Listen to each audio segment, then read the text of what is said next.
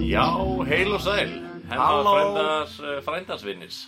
Uh, velkomin í 21. þáttinn Og við, við hefum að láta by- þáttinn byrja hana. Drundun, drundun, drundun. Er það, er það 21. Var það ekki 20. Uh, ég held að sé 21. Ég, því mér manna ekki, mér fannst það bara að geða snið þannig að um leiða því sagði það. Já, ok Herru, það er nú mikið á, búið á okkar daga að draga.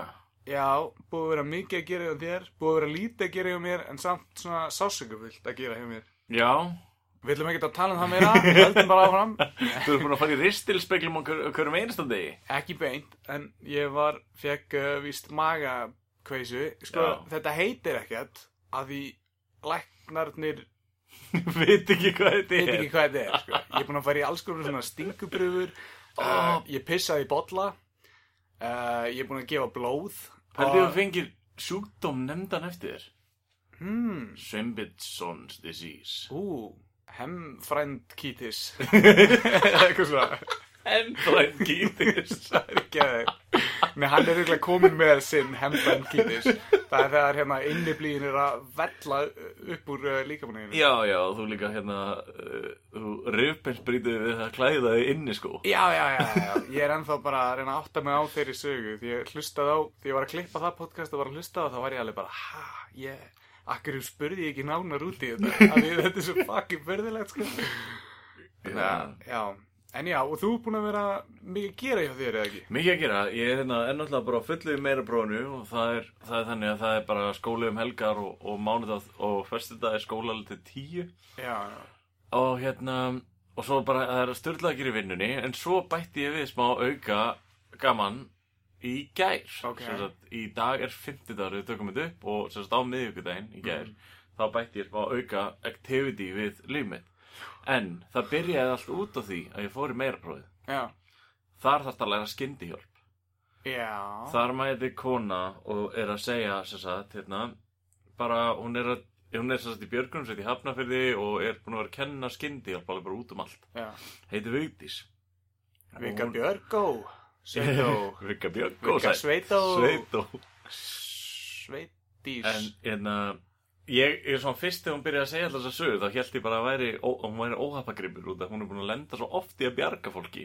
Það er svona eins og að koma alltaf eitthvað slæmt fyrir fólki í kringum. Já, svona eins og Angela Langsbury Alltaf þegar hún fór í einhver ferðalög einhvert eða Hercule Poirot eða eitthvað svona þá dó alltaf Já, já, já, en sem betur fyrir var hann á svæðinu Já, já, já. Leist í glæbin En heppilegt Poirot eh, Hjálpaði mér að leysa þessa gátu nú Eh, En sem þetta alveg bara mögnu kona, hún var um þetta að segja sögu, hún er nýkomin heim frá Nepal Mm. Var þar bara einhverju biluður yfir eftir einhver ferðalagi Áður fyrir það þá var hann í köfunarferði í Indlandi Með dóttur sinni Og ég svona fór að tala um það, ég þurfti að fara að ná mér í köfunarhindi Og bla bla bla bla, langaði alltaf í björgunarsveit og bla bla bla bla Og hún bara eitthvað, tekur mig bara á orðinu og bara hei, mættu bara á miðvikudaginn Ég eitthvað, ha, hvað?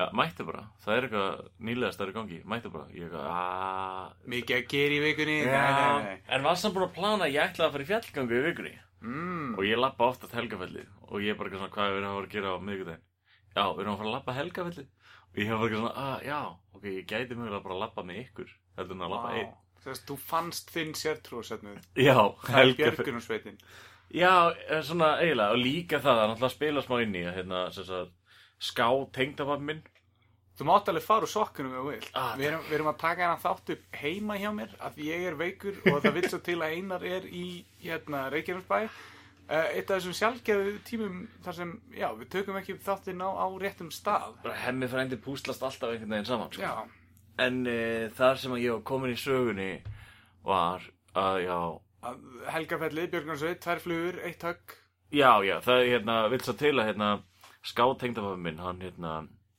fyrir hjartafallin daginn og, og fer sérst í hjartastopp í mjög langan tíma. Mm.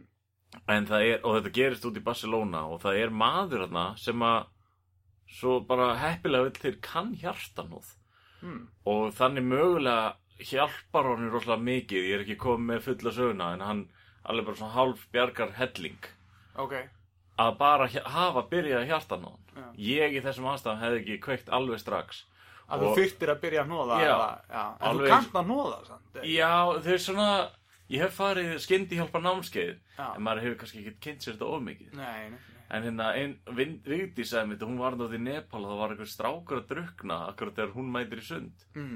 og það einhvern veginn kunni eiginlega enginn á þetta og hún bjarga stráknum. ah, Vilt svo til að hún er þar dun, dun, dun. Eða við þið, hvernig var R&B hérna? Eh. Dun, dun, dun. Já, það er Ógeðst að finna þið, þú veist, pappiðinu frammi, hann er að heyra okkur syngja R&B hérna. Já, já, og hérna uh, sýstir hans, Jóna Franka er í heimsókn og, Ah. og Karl, uh, Karlin hennar Þau eru hérna- Heppilega, hann heitir bara Karl. Já, eh, mjög heppilegt sko og hún heitir, já, næst í kona Jóna, þannig að, já Búa þau kannski í sveit. Þau búa í sveit og húsið er að heiti Bær. þau búa í US of A sko, þau eru bara í Ah. heimsókn hér sko og hérna, nei, nei, þau eru svona stórborgar lið sko, en samt örgli í einhverjum smábæn ég veit það ekki, þau eru flutt nýlega og ég hef ekki farið heim til þeirra Ah. þannig að allavega En já, hérna skemmt er með Björgunarsveitin að segja að hún komir óvart. Mhm. En býtu, býtu, lifði hérna tengdapappin og krakkin sem var að drukna í svindluðinu, bara áður en við höldum áfram. Krakki sem var að drukna sunduðinni, hann lifði Ok. og ég held að segja, ég get ekki alveg svarað, hann er lifandi, hann er í dái Já, meinar, ok. Já. og já. Þetta er á svona viðkvæmi stíi eins og er. Já, skulum bara, bara einu sem er hægt að gera er að vona þið besta bara. Já, allavega bara senda bara lí- líka hlýjar kvæðjur. Senda bata kveður Já. bara, já, Sendum gegnum kosmosið. Hérna hlýjar ströma. En já, ég satt, ég satt sló með þarna með Björgunarsveitinni. Já, Ég, ég held að svona besti tími minn upp og niður helgafelli hafi verið svona í kringum 40 mínútur. Mhm. Við vorum hann í rúmlega tvo og halvan tíma Mm. að labba björg, uh, sem kannski skýra svolítið að björgunarsveitin er lengi að finna fólk því að þeir hætti en býtu, varst þú þá að geta bessu við sérlega? Herri, við hefum átt að fara vinstri hér. Ég er alltaf kunnalið leiðina og ég var svona að segja smá fréttir um helgafellið og svona þetta væri Móbergs uh, þetta er fjallfell því er sko lítið fjall Var fólk svona að byrja að elta þig og spyrja þig Herri, spurningar Þetta er mjög fyndi, ég, ég ákvað upp að djóki að mæta í björgunum setja á mínum sem lítur út eins og Já, já, björgunsveitakallið, já, en já. þetta er ekki björgunsveitakallið. og það var actually lið svona í byrjun sem actually leit hrætt að mig og held bara að ég væri bara eitthvað að eitthvað björgunum setja kall sko Já, já, en hérna þetta var mjög fyndi, ég var svona eins og ég væri í felulitum ok. svo brókislega skærum felulitum Já, og líka bara geðað hlúðulegur þannig að þú fjálst alveg inn í hópin. já já björgunum setja lúði bara Já, en hérna komur á óvart að björgunum setja menn vilja ekki, eða þú veist, það er móðgun að kalla þá skáta já. Ég, eins og ég sagði við þig bara hérna áður en við tókum upp, þú veist, ég var í Björgunsveit uh, því ég var yngri, alveg í svona ár, eitt og hálft, ég, ég maður ekki nákvæmlega, eitthvað svona ung, ungliða starfi. Og ég maður því bróður minn var alltaf viljandi að segja ég var í skátunum, að því hann held að það er svo svona sárt fyrir mig. En Já. ég veitir hann að vera ekkert hvað skátarnir gera einu sinni. Kanski mér þess að bara betra að vera í þeim, ég, ég veit það ekki, en þú veist, þeir eru alltaf svona vel girtir í svona Já, stóra já, skiptum, já, já. þar ég veit það ekki. Ég veit ekki, ég veit ekki með þess að hvítu hanska og haldandi á okkur fánum og eitthvað svona lappanir í bæ, skiljur Þannig að ég, það, það var kannski alveg sniðut hjá hann að, að, að hérna, gera það, en, en hérna, já, se, segðu mér alltaf frá meira. já það komur á óvart sko að hérna líka Björg, ég held að björgunum setja væri svona pína eins og skátanir, þú veist, allir svona góð við náungan og þannig Eru En þeir samt góð við náum? Þeir, ég veit ekki alveg, eða þú veist, það fyrir eftir í hverju skátafóringiðin. Fjallar fjallar þetta ekki allt um að fara á eitthvað svona jamboree og detti í það einhvers staðar? Jú, það er nefnilega komur óvart, sko. Ég er hérna, þetta björgursveitarlið, þú veist, það er eitt af fyrsta sem ég heyrði bara þegar ég byrjaði að labba, það var bara, eitthvað, já, strákar, erum við með eitthvað slúður, eða? Wow. já, það var bara, eitthvað, já, hvað, erum við ekki að fiska eitthvað gott hérna? Já, ég frétti einmitt að, hérna, að Mikael Hrapp, uh, góðvinnur uh, uh, Isavia. frænda- starfar einmitt hjá Ísafja, hefur verið með í förinni. er það Hann var rétt hjá hana, mér? já, já, ég, mér leið þarna eins og stór stjörnu. Já, er það ekki? Hann- Ég, hann, ég heyrði að hann var að tala um hérna vopnaleitina. Nei. Jú, jú, og hann, út af hann var eitthvað að Varstu kvarta- úður úr vapnaleitinni það? Nei, hann var að kvartið því að hann þurfti að vera að mæti í vinnuna, hann þurfti að vakna í síðasta lagi klukkan fjögur. Já, og við reyndar. vorum náttúrulega þarna bara Reyndar. klukkan hálf 11 eða eitthvað að koma tilbaka Já. en hérna, og svo ég svona ég er að lappa fyrir fram á, en náttúrulega ég felur lið á þeir átt að segja ekki á því að ég er ókunnur sko. Já. halda bara að ég sé einhver björgun þetta kappi og ég snými þekkir úr Bjarnæjón Sveinbjörnsson og hann bara eitthvað, uh, já, já, og hérna, Arnar Hauksson, leikarafinn minn, og hann bara eitthvað, ert þú emmi frændi maður? Vá Og ég bara Eftir eitthvað, að þú heitir henni ég, veit- ég alltaf sagði aldrei nafni mitt, en hann var bara eitthvað, emmi frændi, Ok það er ég, ég lusta alltaf á okkur. svo- Vá Hann er einn af þessum 50 maður Já. Vá Mér líður svo bara eins og stjörniðum sko En það var, það var eitt sem ég lærði, ég lærði hvað ég hugsa asnalega, mm. út af því að við löpum hann að tildurlega hægt upp helgafellið. Mhm. Og það var einn náttúrulega stjórnandi Mm. og hann var reynda svona svaka kall S- ég er svaka kall, ég kann þetta búin að vera hérna síðan ég fættist hei Ok. hei hei Ok en hann tók hérna þau vorum að byrja að labba þá var hann, ég verð fremst, það fyrir enginn fram á mér og það er einn aftast að reyka lestin á það fyrir enginn aftur fyrir hann gott að blessa Ok og svo hérna á einu tímapunkti þá er svona lið svona eitthvað pínu eins og að sé að byrja að fara fram úr honum og hann bara gaf hei tekur hann á tvö stór klöpp Já það er bannað að fara fram úr mér og það er bara bannað og ég var bara eitthvað, þú veist, ég hugsaði strax bara eitthvað, heyrðu gamli, ég lappa hérna liggu við einu sinni í viku, skilju, hvað ætlar að gera ég lappa fram úr þér? Wow ætlar að hjarta hnóða mig Sæðir þetta upp áttu við hann eða? Nei, en ég hugsaði þetta og bara eitthvað, hvað ætlar gæðin að gera bara eitthvað, nei, ég, ég hjarta hnóða þig bara hægar ef þú- ef þú deyrð Já en hérna, svo heldum við áfram að lappa og þú veist, við stoppuðum alltaf til að þétta hópina saman og þá útskýrðum við þetta mm. og þetta meikar geðið mikið sens ef þú varst að lappa í hóp Ok því hann sagði, ég stjórna hraðanum Já ef einhver er að byrja að fara fram á mér Já þá byrja ég ósaljótt að reyna að hraða hraðan, að Já. göngur hraðan Já, já og á Sem eins og alveg endanum Kínverska konan og Arnar í hérna hlaupinu já, Arna leikarvinur Já, já, í hérna Reykjanes Nei, hérna Reykjavíkurmaraþon. Reykjavíkumarðin en það er meitt verðið til þess að allur hópurinn er þá farin að lappa hraðar og þá er komið meira álag á allan hópin Já, já og þetta meikar alltaf mikið sens því að við vorum alltaf hana 30 manns eða eitthvað Já, og á öllum skala líkamlegs forms mm. og ég, mér fannst þetta gett aðstæðanlega fyrst þegar við vorum að fara hægt og eitthvað en hérna, svo var til dæmis að stráka yfir aftan minn sem ég heyrðist vera með asma og svona Mm. og þá kveikti ég bara á perunni bara, þú veist ok, núna hef ég labbað helgafelli bara oftar en ég get talið en fyrst þegar ég labbaði helgafelli þá held ég að ég myndi deyja já, já, þú veist, ég var svo- í svo lélögu formi já og þetta er það sem Björgunarsveitin stendur þetta fyrir, þú veist, leave no man behind skilur, sami hvaða formi, þá held þá bara, þá, hérna jafnar hópurinn sér bara gagvar því að við séum öll að fara að komast saman á toppin. Já, en skilur Og við þeirra saman að fara niður. saman á topin að finna líkið sem var að kalla þetta hjálp, skilur við fyrir klukkutíma og 40 mínútur síðan Já, eða ég meina, 60 þú veist, mínútur já, en segjum sem svo, ef það er líka á toppnum, mm. þá viljum við ekki flýta okkur geða mikið upp, finna líkið þar og á leiðinni niður, finna líkið að gæjanum sem að geða slóa mikið alltaf. Hver var tilgangurinn með björgarsveitinni? Ég skil þetta ekki Eru þau bara að ná í lík? Er þetta bara svona body retrieval eða eitthvað? Æ, ég veit það ekki Ég er alltaf bara búin að mæta eitt fund, sko, þetta var samt alveg gaman, ég held að það væri miklu lúðulega en Hvað heldur sér langt ég að byrja að vera svona rígur á milli þín og þannig að Hei, gæjans Já, þú veist, ég... Þegar ég, er, ég veit um miklu styttir leiði Fyrir ekki mína leið Náttúrulega, þú veist, Mikael Kottu Mikael leið Já, hemmi frændi en ég SPB. Ellen geti mætti björgunarsveitina, það má vera með hunda. Hún geti breytt hundurinn sem við leitar hund. Reyndar Hérna, já, er ekki pappan sinna Dóra, hann er með eitthvað svona sniffurhund Ég veit ekki, það er náttúrulega Pappans nokkru íkjadóra Pappans íkjadóra er heldur með svona sniffurhund, sko Já, Einhvern en það var þarna einn leitarhundur og það var alveg svona gaman að Já, já sjá hund þarna, sko. En eh, annars var þetta bara... Ertu bara svona að reyna að finna ykkur leiði til að hitta Ellen svona off Nei, nei, the nei, books? nei, bara þú veist, ég vill einhvern veginn alltaf hafa Ellen bara í hverju minnst að þetta. Já, Þetta er- já, já. Þetta eru orðni karakterar. mm, Við erum með Ellen, Við erum með Mikael Hrafn Við erum með Arnar leikara vinn okkar við erum, með, við erum með Dóra Sænska Hann er nú oftast þau Dóri sem fær hérna ekki neitt og, og svo villum hann að Dóri Já, já, Ísafja Dóri og, og hérna, já, já Við, hérna, við kunum að meta alltaf þess Og þetta fólk er alveg til í alvörunni Því- Já, svo er hann að, hvað, hérna, hvað heitir hann aftur, hvað heiti ég aftur?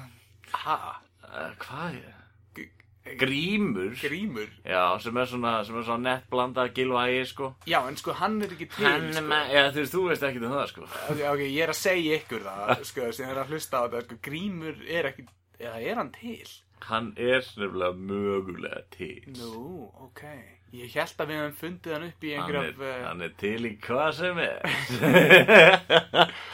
Ok, Einar hefur engi glemt í hérna, gríninu og já, enn og aftur, hann er hérna á tánum á svona ógeðslega litlu svona meter sinni meter Þetta er geggjað þetta defi. teppi sem hann er með þetta og hann er ekki búin að geta náða að sitja kjur í stólum í eina setningu og ég var einmitt að hlusta á hérna podcast í gær um, um hérna einmitt svona hvernig fólk hugsar og hvernig fólk notar líkamann til að, til að muna hluti og mynda setningar og, og Og ég geta, ég get talað með höndunum svona án þess að vera með ómikið læti en það er eins og einar hugsi betur ef hann næri einhvern veginn að þú veist og jugga sér og reyfa sér og vera á svona tánum á sama tíma Ég hef aldrei fengið kvörtunni þessi, sko.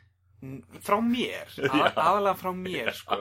og hérna og ég, ég, ég, þú veist, mér er svo sem mér er eiginlega byrjað að vera sama sko, að því, að því hérna, ég veit að fólki sem er að hlusta á þetta er ekki að beita að borga fyrir þetta við erum bara svona að gefa, gefa ykkur þetta frítanni ef það eru smá juggljóð frá einari þá ætlum við ekki að setja út að það skilur leðu þetta er komið framtan paywall þá þurfum við að byrja að ger, gera Já, þetta já, hærri já. kröfur til svona sko. hljóðus Já, það er eins og núna er ég búin að vera að horfa, hor- hlusta á hérna podcast sem að fjallar um hérna morð. já, er það íslenskt eða? Nei, nei, Nei, ekki. Ég, ok. ég tók, ég tók hérna, hliðarspor og Nú. fór í ennst. Nú, Það já, heitir já. bara serial killers. Ú, Þar á baku hvernig einasta þátt eru svona sjö manns. Það eru bara tveir að tala. já. En öll hljóðvinnsla og, og, og allt það dót, sko. Vá, Það er vinnan á bara- baku það og... Já. Vá, það meikar svo mikið sens En sko, það var náttúrulega planið með þessa þætti sko að Þetta átt að byrja svona, við tveir bara eitthvað í skúrnum gaman að, gaman að segja það og það ég hitti stelpu sem sagt, í þessari helgafisköngu Já, og hún frétti náttúrulega að ég væri hemmi frændi wow dun, dun.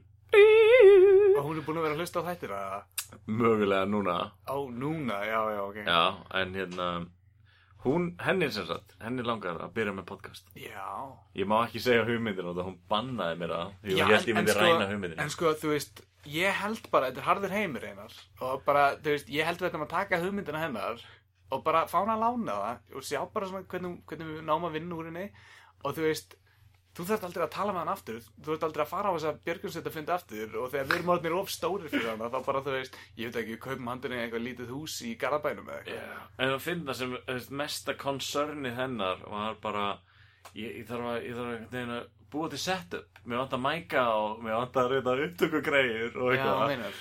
og mér fannst svo astnalegt að segja henni hvernig uppstillingin okkar er já, já, og já, þetta er þetta er 21. þátturinn okkar og Og við erum- hvaða forrið við erum að nota okkar þetta Já. er kent í grunnskólum já, sko. já, já, og við erum að tala í sokk og, og hérna Já, já, já, það var, reyndar- mér fannst það gaman en samt astanlegt en þú veist, ég gaf henni svona sín af því að það er ókslega auðvitað að gera það já, eða byrja að gera það já, já, og ég er líka bara bestu ráðin sem ég gætt henni var bara eitthvað að fyrstu þættinni er eftir að vera ömulegir já. En ekki þetta er- okkar samt, okkar voru geðveikir ekki hlusta á það aftur bara, Nei, nei, nei, en það bara er reyndar að nostalgían. fin- finna er sko að hérna, dagskráliðanum er búið að fækka já, og allir hljóðvinnslu já, eiginlega já, þannig. eiginlega allri vinslu svona undirbúningu Við fyrir hvern erum dag bara einfalda þáttinn Já, já, já. eiginlega bara Já, kann, kannski að það væri einhver að að klippa og kannski að það væri einhver að, að hérna, plana hvað við ættum að tala um og svona og þá hérna hefðu við meiri tíma til að vinna efni en, en hérna, það hlýtur að koma því í vetur krakkar, bara haldið ykkur í þá verður þetta skemmtilegt og spennandi ég er með alls konar hugmyndir í opninum eins og til dæmis að talaðu fullt af gömlum félögum mínum sem hérna, Er ekki félaga þínu lengur? nei, voru hérna í námi og hérna nei, segir ok, ok, ok, ég ætla ekki ég ætla, þetta var smá spoiler á hugmyndinni hjá hérna, stelpunni sem var þetta áðan og hérna, ég, ég sagði ekki ég er ekki múin að segja alla hugmyndina einar Nei, nei, nei, og, og ég, ég ætla ekki að segja neitt meira sko, þannig að hérna, en, En hérna annars er bara björgunsveita fólk uh, mjög indislegt fólk, sko. já, já, það er mjög indislegt fólk Eða, þú veist, ok, kannski bara í lokin, þú veist, mér fannst það cool, sumir að það. já, Og ég, ég er í smá dilemma við sjálf og við núna hvort að björgunsveita fólk sé actually cool. Eða þá ég sé bara orðin svona ógeðslega mikill lúði já, að ég, ég er komin neðar en björgunsveita fólk og er að reyna að klóra mig upp bakkan. já eða, eða kannski var björgursendafólkið alltaf geðast cool en það bara þorði enginn það nálægt til að koma staði að því þeir voru svo hrættir um að vera eins og þeir en svo þegar þú komst að því að þú ert eins og þau þá ertu í raun fullkomin einar Ég las grein í dag, ég ætla bara að fá að segja það En ég las grein um fólk sem að hefur, þú veist, óvart Eða ekki óvart, en skert eitthvað status eða tvítað eitthvað Já.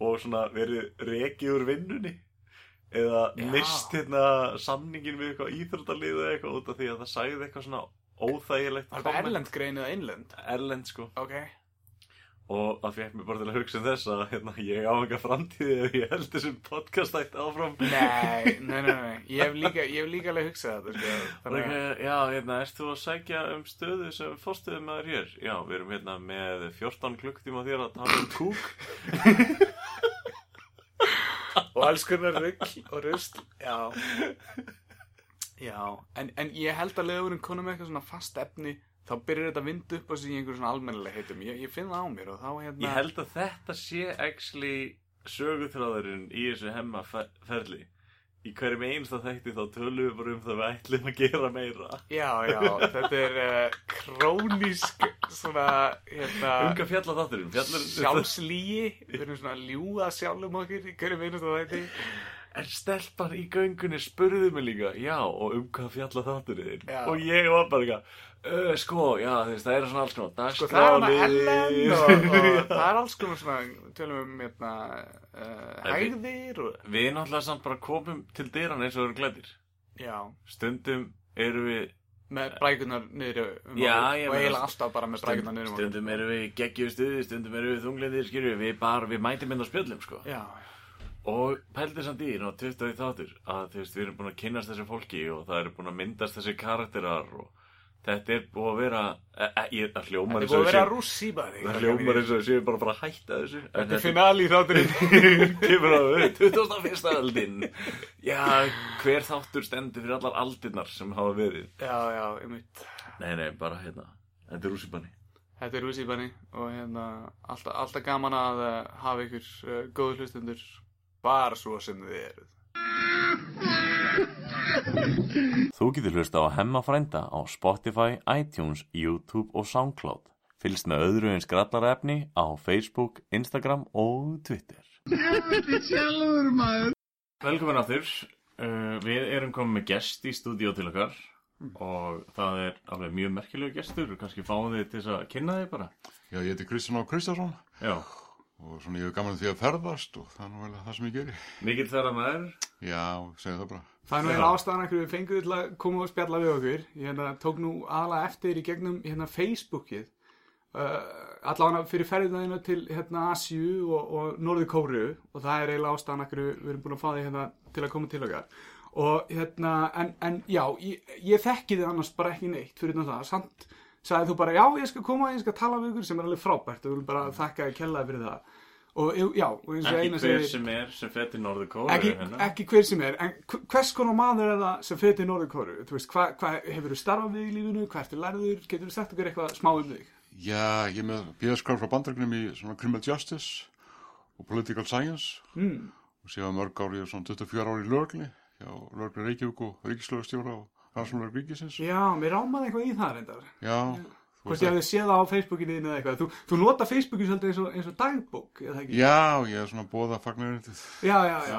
M mikið af myndum og, Já, og mér skaman þess og maður kemst í samvættu alls konar fólk og er í samskiptið við það og sko. Já, en er, ertu núna hérna á eftirlaunum eða hvern, hvernig virkar það? Já, ekki formlega en ég er bara svona með fjárvestingar sjálfur. Já Já, komin í svona enga geiran í staðin fyrir að vinna fyrir ríkistöndina. Já, sko. já. Ok. Geggjað. En ok, hérna, ferðalagið þitt til Norðurkóru, var það hluti af svona stærra ferðalagi og þetta var alltaf planað að hafa þetta með inn í eða hvernig, hvernig virkar svona ferð til Norðurkóru? Já, mjög lengi langa að fætt til Norðurkóru og síðan sá ég hana góða ferðarni í apríl, mm. mæ og ákvaði að fara og nýta ferðina. Þannig ég fór líka til Söðurkóru Mm. og Mongóli og var líka í Kína mikið. Já. Já. Þetta var svona hálgir Asi reysa hjá þér Já, Já, ég átt búin að vera í Asfi áður en þetta var svona, ég tók land sem ég ekki verið í áður. já, já En, en ferðastu mest til Asi eða ertu, hefur ferðast um allan heim? Já, ég er búin að vera til 85 landa, sko. Já, það er Það er ekki bara allt nema söðupólinn af Ég er engan á því. annað. Nei, það er kannski lítið um að vera þar. Já, ertu búin að fara til, þú veist, Suður Ameríku og Já. Afríku og allra heimsálfana? Já, já, nema söðupólinn sem er. Já, já, já, já, já, einmitt. Já, já. Er það draumur? Fara þangað einn daginn það? Ég er engan á þessum mörgja sem. Nei. ok. Er þetta, já, miðan við sem sagt, að fara til annara landa, er kostnaðasamt að fara til, hérna, Norðurkóru? Já, það er sko eitt þar að flugið til Kína, það er alveg sér. Mm. Og flesti fara sko gegnum Finnland. Það er svona eiginlega beina og styrsta flugið. Já, Já, já. frá Íslandi ertu að Ah. Já, meina það? frá Íslandi, já. Já. Ég bara var þarna eina nótt og sem ég held ég áfram. Já, En Það tala um beint flugum millir Kína og Íslands já, bráðum sko en síðan sjálf ferðin sko, hún kostað svona 350.000 inn í landið og... já, frá, frá Kína Mm. til Norðurkóru og Já. tilbaka aftur og það var allt innifærið, það var sko vegabrjöðsáritun Já, og flug fram og tilbaka Mhm. og síðan tveir leðsumenn og bre- bresku hópstjóri og gisting og matu þrísvara dag já, já. Já, og svona allur pakkin og það er að gera þetta ódýrar með því að taka sko lest Mm. En það er svona erfitt ferla, það er 24 tíma að horfðu bekkjum og það er líka spennandi en ég bara, og mikið luxustýr í Var það, væri það þá ódýrara? Já, ódýrara. Vá. en er, er þetta kannski, nú, ég bara hvort þú veitir það, er þetta svona normið til þess að fara til norður Kóru, sko, að taka svona pakkaferð eða getur þú skipulagt þetta sjálf, sjálfur? Já, Leifa er það? það er kannski eitt sparta tipsi viðbúð bara, Já. að það, ef þú sefur með öðrum, þá er það ódýrar auðvitað. Í, á, í herbergi? Já. Já, þú meinar, já. Það- Ef þið færðu sama, það er kannski lægi en en ég var bara einn í Hebergi og þannig, það var dýrar þess vegna. Já, já, já. Já, ok. En, en þú veist, þú fórst bara einn, Já. en, en þú varst alltaf með sama hópnum. Já, gekk inn í hóp þarna, Já, og já. frá Kína og Hvað voru þið cirka mörg? 17. Já. 17 manns. Og voru þið 17 þegar þið fóruð úr landinu líka? Já. Þá, já. ok. Já, já, Það er gott að vita það. já, já.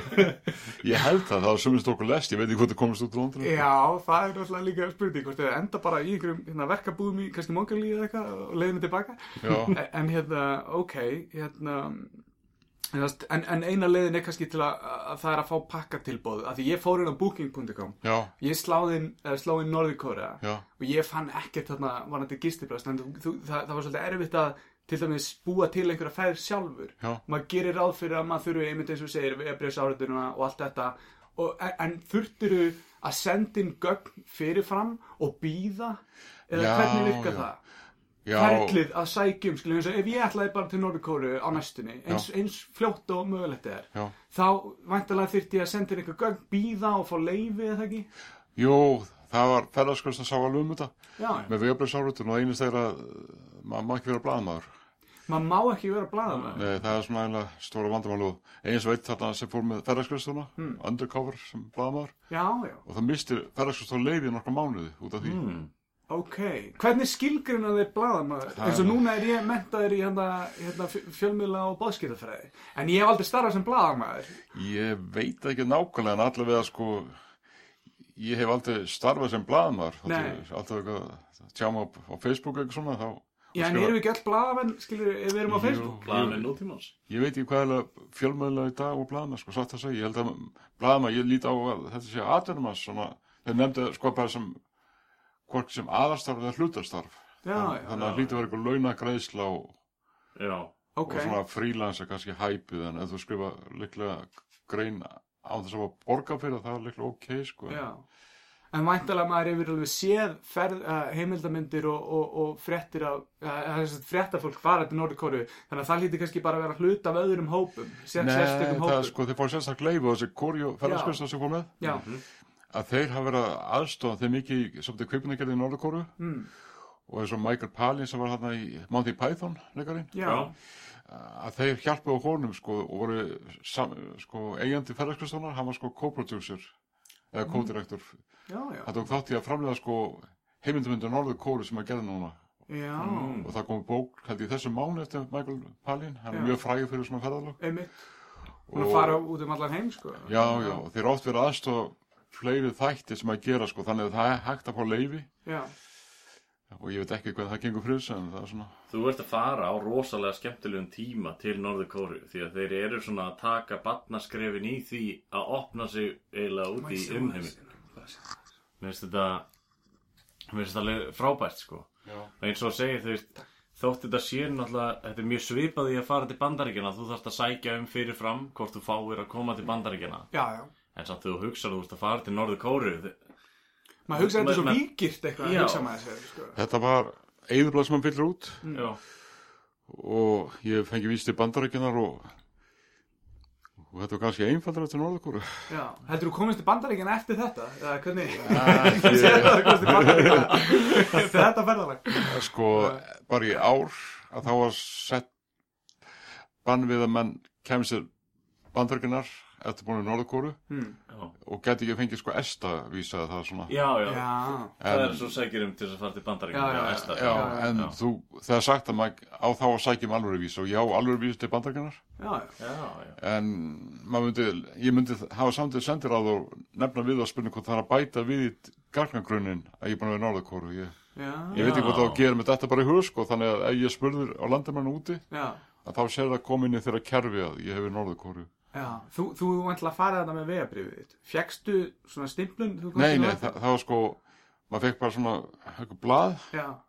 sem var sett inn vegabrefið Mm. og það var stimplað og þau tóku það bara á landamannu sko. Já, þannig að þú færði ekkert að eiga svona minnis Nei, í því miður. vegabrifiðinu og varst í Nei. norðurkvöri. En, Mm. já, svo- þú ekki, en hérna bara núna eins og öllum löndum sem að ferðast til oftast núna, þá eru túristabúðir. Það eru túristaveslanir þeir eru að selja minnjagripi frá hverju og einasta landi. Tókstu eftir því í Norður Kóru? já, já, Þeir eru alveg með túrisma. já, já, já Já, og það er svona, ég er mest áhuga á bókum þannig að ég geti mikið af bókum á ensku Mm. gefn út í norðakóru Mm. og líka að kvikmyndum, DFT hefur að horfa á norðakóruska myndir á kvöldin og Svona heimildamindir? eða? já, leikið, leikna myndir Já, já. ég bara eins og lífið í Norður Kóru að flestum þeir halda, að halda flestir að þetta sé nú bara leikið. Já, er, uh, ég, ég myndi segja það ef maður myndi fara núna á interneti og þú myndi googla þér Norður Kóru og hvernig lífið er þar þá er náttúrulega það sem bendir rosalega mikið til að það sé leikin mynd sem að umheimurinn sér á Já. Norður Kóru Mm. hvernig fannst þér svona að Þa- upplifa það- þetta? Ég hef oft verið að spurða um þetta sko, hvort það var bara sviðsett fyrir okkur Já, einmitt en ég var hann í 11 daga og fór hérna um svona 500 kilometrar Já. frá austur og vestursundu að landamannum Já, já, fórstu út fyrir borginu? já, já, Mm. það Já. er margir sem fara bara í, í borgina en ég var að ferðast um landið Já, já. hmm. og fór mjög við í, í rútu og horfði alltaf út á gluggan Já, Nú, já, já, ok. og sa, tók mikið af myndum á leiðin og, og, Og það mátti alveg taka myndir út það fyrir var borginu? takmarkanir sko, það má ekki taka myndir sem þetta hernaði, hernað Nei, nei, og það var svona checkpoints já, já, og það má ekki, ekki taka myndir af þeim nei. og þegar fóru hérna landamannum sko hérna þá var, mátti bara taka myndir af svona plakati sem stóð þannig one Korea, eða eitt, ein Korea sko. Já, en það var tó, stóð túristabúð þar og, ok. já, já, já. og svona það má ekki taka myndir af eh, nýbyggingum, construction Mm. en þeir eru mjög liberal og það er alltaf sagt að maður spyrur leifi og það og maður mátti taka mynd á mörgum stöðum, ekki sumu söfnum og svona Já, Mhm. En Það er nú bara eðlilegt, já og það er svona mitt eftir hug, ég hef oft verið að spyrja það svo sagði sko, Já, þetta er kannski svipa eins og einhver ferðahópu kemur til Íslands já, já, og kunni ekki ennsku eða íslensku og, og er í mjög stífri prógram að fara alla gullfoss og geysir og bláulónu og svona og Einmitt. gætin að tala um hvað við erum frábærir einmitt og síðan þetta bara döður þreytti í rúmun á kvöldi sko það spyrir hvaða hugmynd þið fá um Ísland sko þau bara Já, já. sagði kannski svipa bara og jáfnvel ég og Ísland ég hef bara takmarka þekking á samfélagi það er svona mismandi hlutar á samfélaginu já, Mhm. og mismandi geirar og sem bara þekki ekki sko já. Já, þetta er, þetta er mjög góð pæling en að þú mögulega fóst kannski gullna ringin Norður Kóru sem svona túristi, fyrst að skoða það já bara miklu meira já, Já, það var svona 500 km það var sem já, já það er svolítið Já, ég er náttúrulega miklu meira en, já. en fallit landslag? já svona í vestur hlutanum Já, ok það er svona fallið klett og fallið fossar og svona Mm. Já, Hmm. mikið um gróður eða já Já, það er meira flatt að sunnumverðu Já. og þannig að ef maður hefur takvað eitthvað tíma þá myndi ég freka mæla með vestursöndina Það verið í sveitinni og, og ég fann ég að strand og þar og svona spennandi svæði já, já, tókstu með þér hérna, hérna sólavörn og, og, og hérna sjóföld eða, eða hérna sundföld segi ég. Nei, ég er búin að gefast upp á Sólumar þar. Nú, ok, Ég voru samskuð svona einu sinna klínd á mér, þetta er bara vesen og, og ég var ok. alltaf svo rauðu karfi hvað sem er þannig. Rauður karfi, já, svolítið eins og pappi minn þannig að já, já, Já. ég skilið það, þetta, þetta er ættgeng líka ég, ég fæ svona flekk í húðun Já. af svona rauðum bletnum, ekkert endla tanaður en hérna, það er annað mál hérna, já, uh, en það var alltaf gæt með þér Já, alltaf tveir gætar. Ok, og þú, þá er enga bílalegur þannig að þú gast ekki bara fengið bíl á leigu og farið það rúnd um Stungi af, nei. Nei, það, það var ekkert í bóði Þetta er mjög stíl, sko, það, ég maður ekki verið lapptúru sjálfur. Já, Það var bara, með leiði gæta mátt að fara svona á hás, svæði hótelsins, mm, svona 200 mönti, það mest frjálsett við vesturstrand að við vorum á hótelinu við sjó já, og það mátt að lappa nýra strand og bara chilla, sko. Ég var ekki í sjóuna, en, nei en það, en þetta er svona, maður undir kontról, sko. Já, já, en eins og, eins og ég segði á þann að Facebookið þitt, það er svona eins og opin dagbók, já. þar sem þú skrifar alltaf smá fæslu við einhverja mynd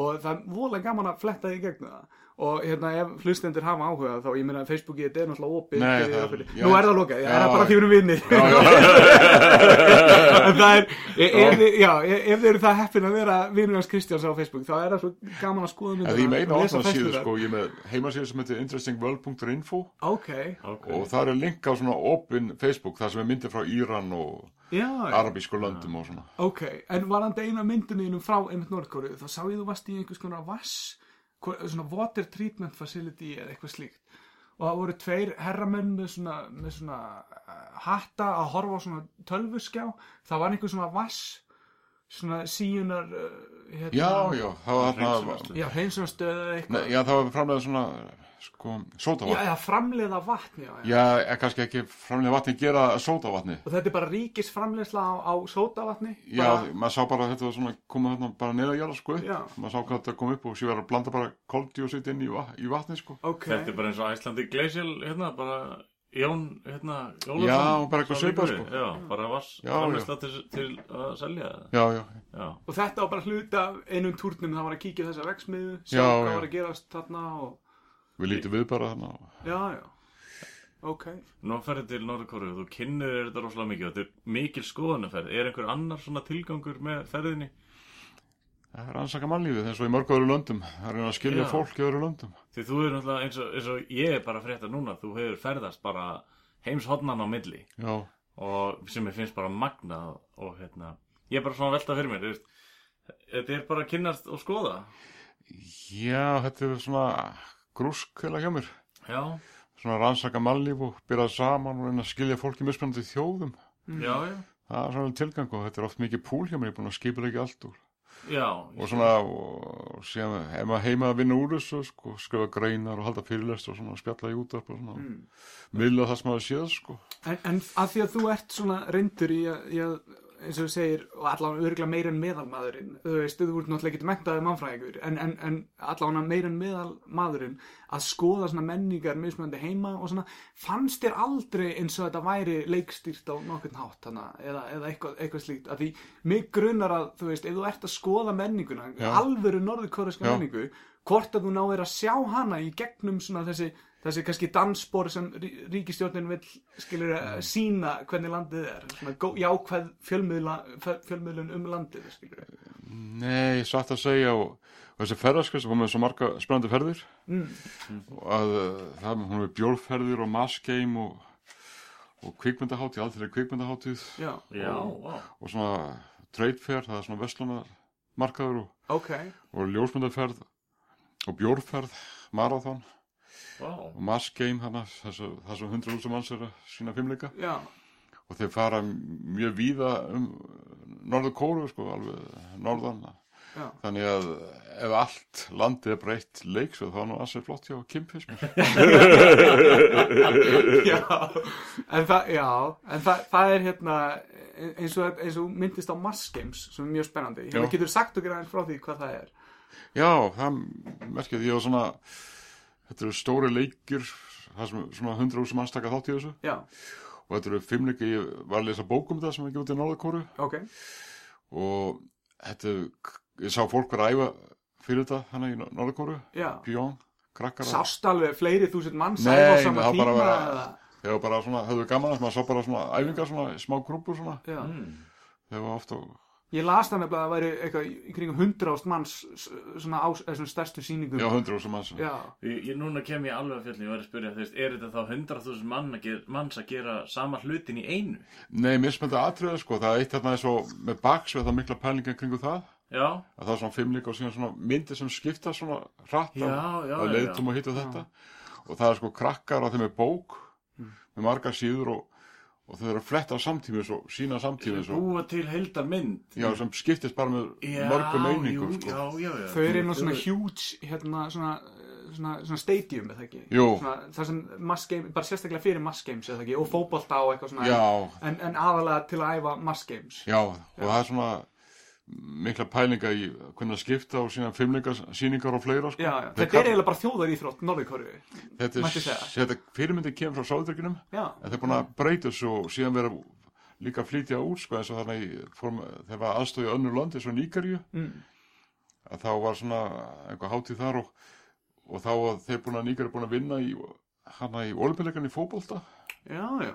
96 held ég og, og þá setta á svið sko, sko fótboltamann Mm. með spjöld sko Mm. Já, sem sparkaði bolti og lendi í mark og síðan stóð fjórið, þrýr, það var svona sigurinn Já, já. Ég, ég, ég hef séð þetta á netinu, mér hafði aldrei, aldrei dott í hugið að veri svona norðu kórest og það veri keft í þessu. Mér finnst þetta magna. Já, ég held ég að við bara séð þetta einmitt frá norðurkóru frekar en einhver svona gamlar sovjískar myndir eða eitthvað slíkt Já. sko. þannig að ég veit ekki, kannski hef ég séð það einhvers staðar en ég man alltaf svo sterklega til þessu tengt norðurkóru einmitt að það er bara svona stór leikongur og það er allir í, að svona samtímis að- að- einmitt að- að að gera einhverja loftfumleika Já. dansa eða sína einhverja listir og svona Já. og þú veist, maður getur ímyndið sér það, það er nóg erfitt að gera þetta einn hvað þá tveir sko, ég man eftir að hafa hlustað á Cotton Eye Joe í framhaldsskóla og verið að reyna að æfa hérna kúrekadansinn, skilji Já. hvað þá að, þú veist, að gera eitthvað svona samtími sýningar fyrir framann líka leðtóðan, skilji, og, og umheiminn bara allan heiminn þannig að, Já, þetta er svona þeir leggja mikið áslá list og íþrótt í Norður Kóri og, og velja að krakka með hæfileika og áhuga á þessum sviðum og styrkja það mikið, hjálpa mikið já, og ég veit myndið að einn bíman sem ég horfði á sko, sem var gerð þarna í samstæðu Kóri og ferðarskristóna já það var líka belgar sem tók þátt í þessu norðurkónarski kupnagerðum um leikarar og, og, og líka breytar og sem fjallum stúlku sem var að vinna í námavinnslu mm, sem dreymum að vera sko, sko fimmleikakona mm, og, og svona mjög erut að slá í gegn og það tókst á lokum og, og unnu til gullverðin einhvers aðlið sko, þetta er skemmtileg mynd sko og er þetta sömmynd eða er þetta leikinmynd? Leikjamynd. Þetta er all... Já. ok, ok, ok, ég skil en það er svona það er líka önnur mynd sem er heimildamynd mm, sem fjallum tvær stelpur sem færðarskustofan gerði líka já, sem að fara að æfa sig og taka þátt í þessum leik og þetta þykir mjög gaman fyrir þá sem taka þátt í þessu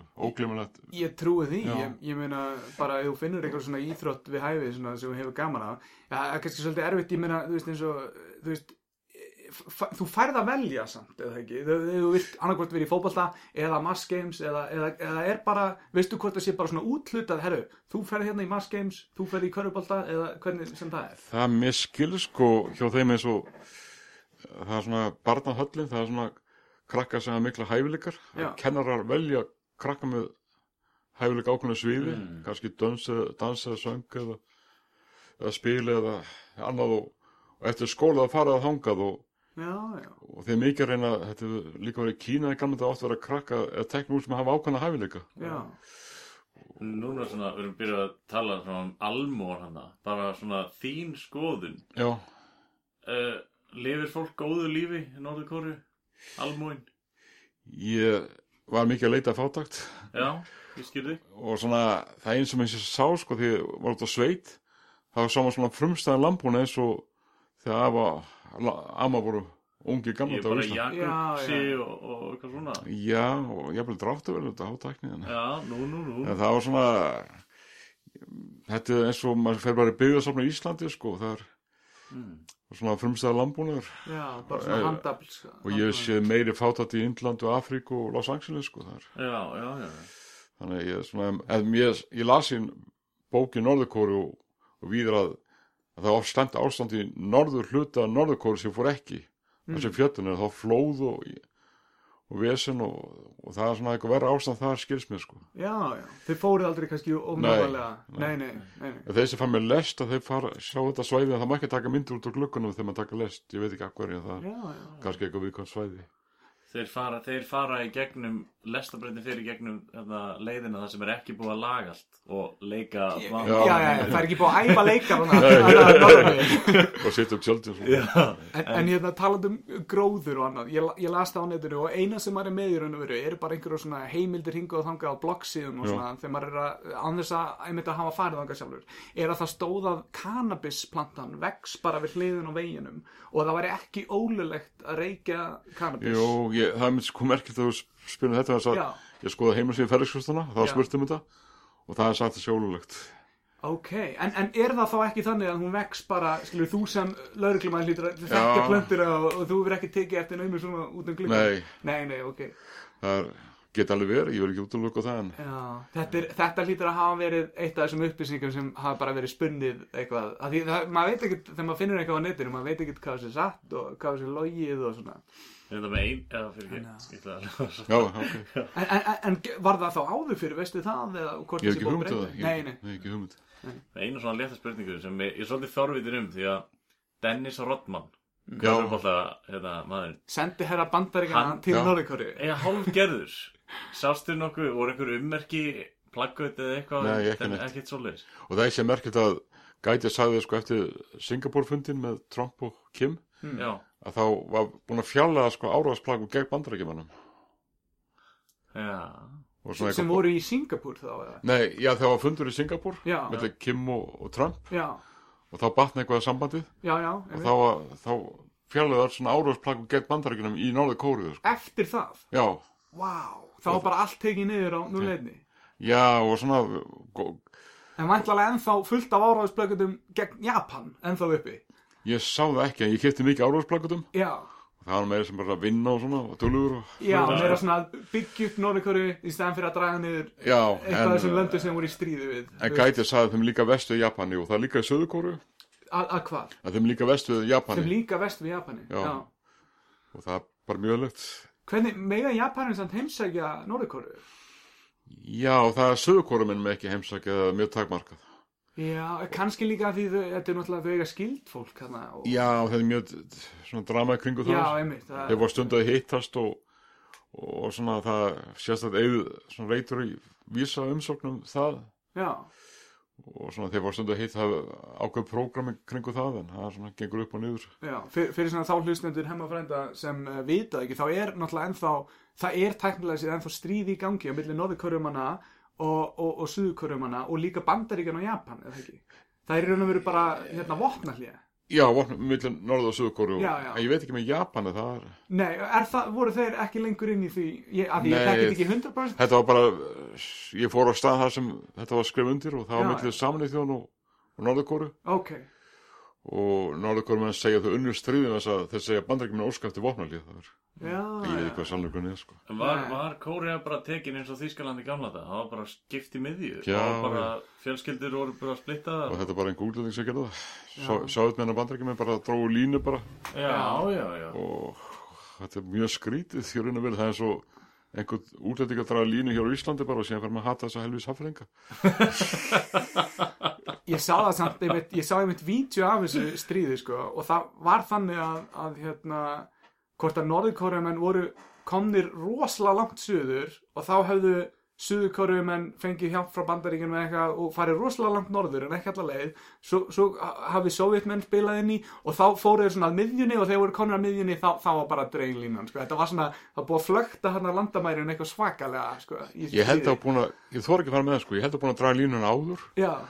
og síðan er deilt um hvort byrjaði sko stríðið Já, að sjá, eins og með öll stríðvæntalega, Já. þá getur þau enda og þá er það sigurvegarinn sem skrifa söguna náttúrulega. Já, ég- það- Þannig að- ég sá- En það er engin sigurvegari, þannig að hver á að skrifa söguna, skilur við, þeir Já, eru já. báðir að skrifa söguna, já, væntalega. já.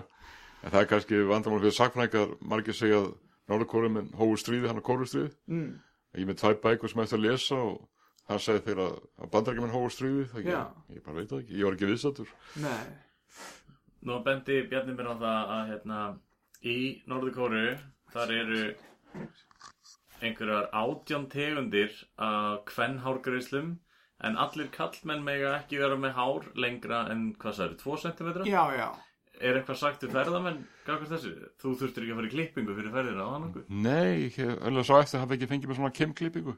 einmitt, einmitt það, var, það voru einhverja reglur áður fyrir þar sem voru bara mestalagi 28 klippingar leifiðar á milli kynjanan begja Já. en í dag s- sé það reynda ít á það að kallmenn séu ekki með síðara hár en 2 cm og helst að þeir séu með klippingu eins og Kim Jong-un eða hérna frúin hans, þessi konunnar Ég þor ekki að fara með það. Nei, ok, en, en, sa- en, en þú, þú þekkir klippingur hans Kim Jong-un, hann, er Já. með svona- hann er með svona, hérna, rakað hérna niðri, já. skilur Þú veist, voru margir sem li- voru með svipaða klippingu og hann, Nei, nei, ok.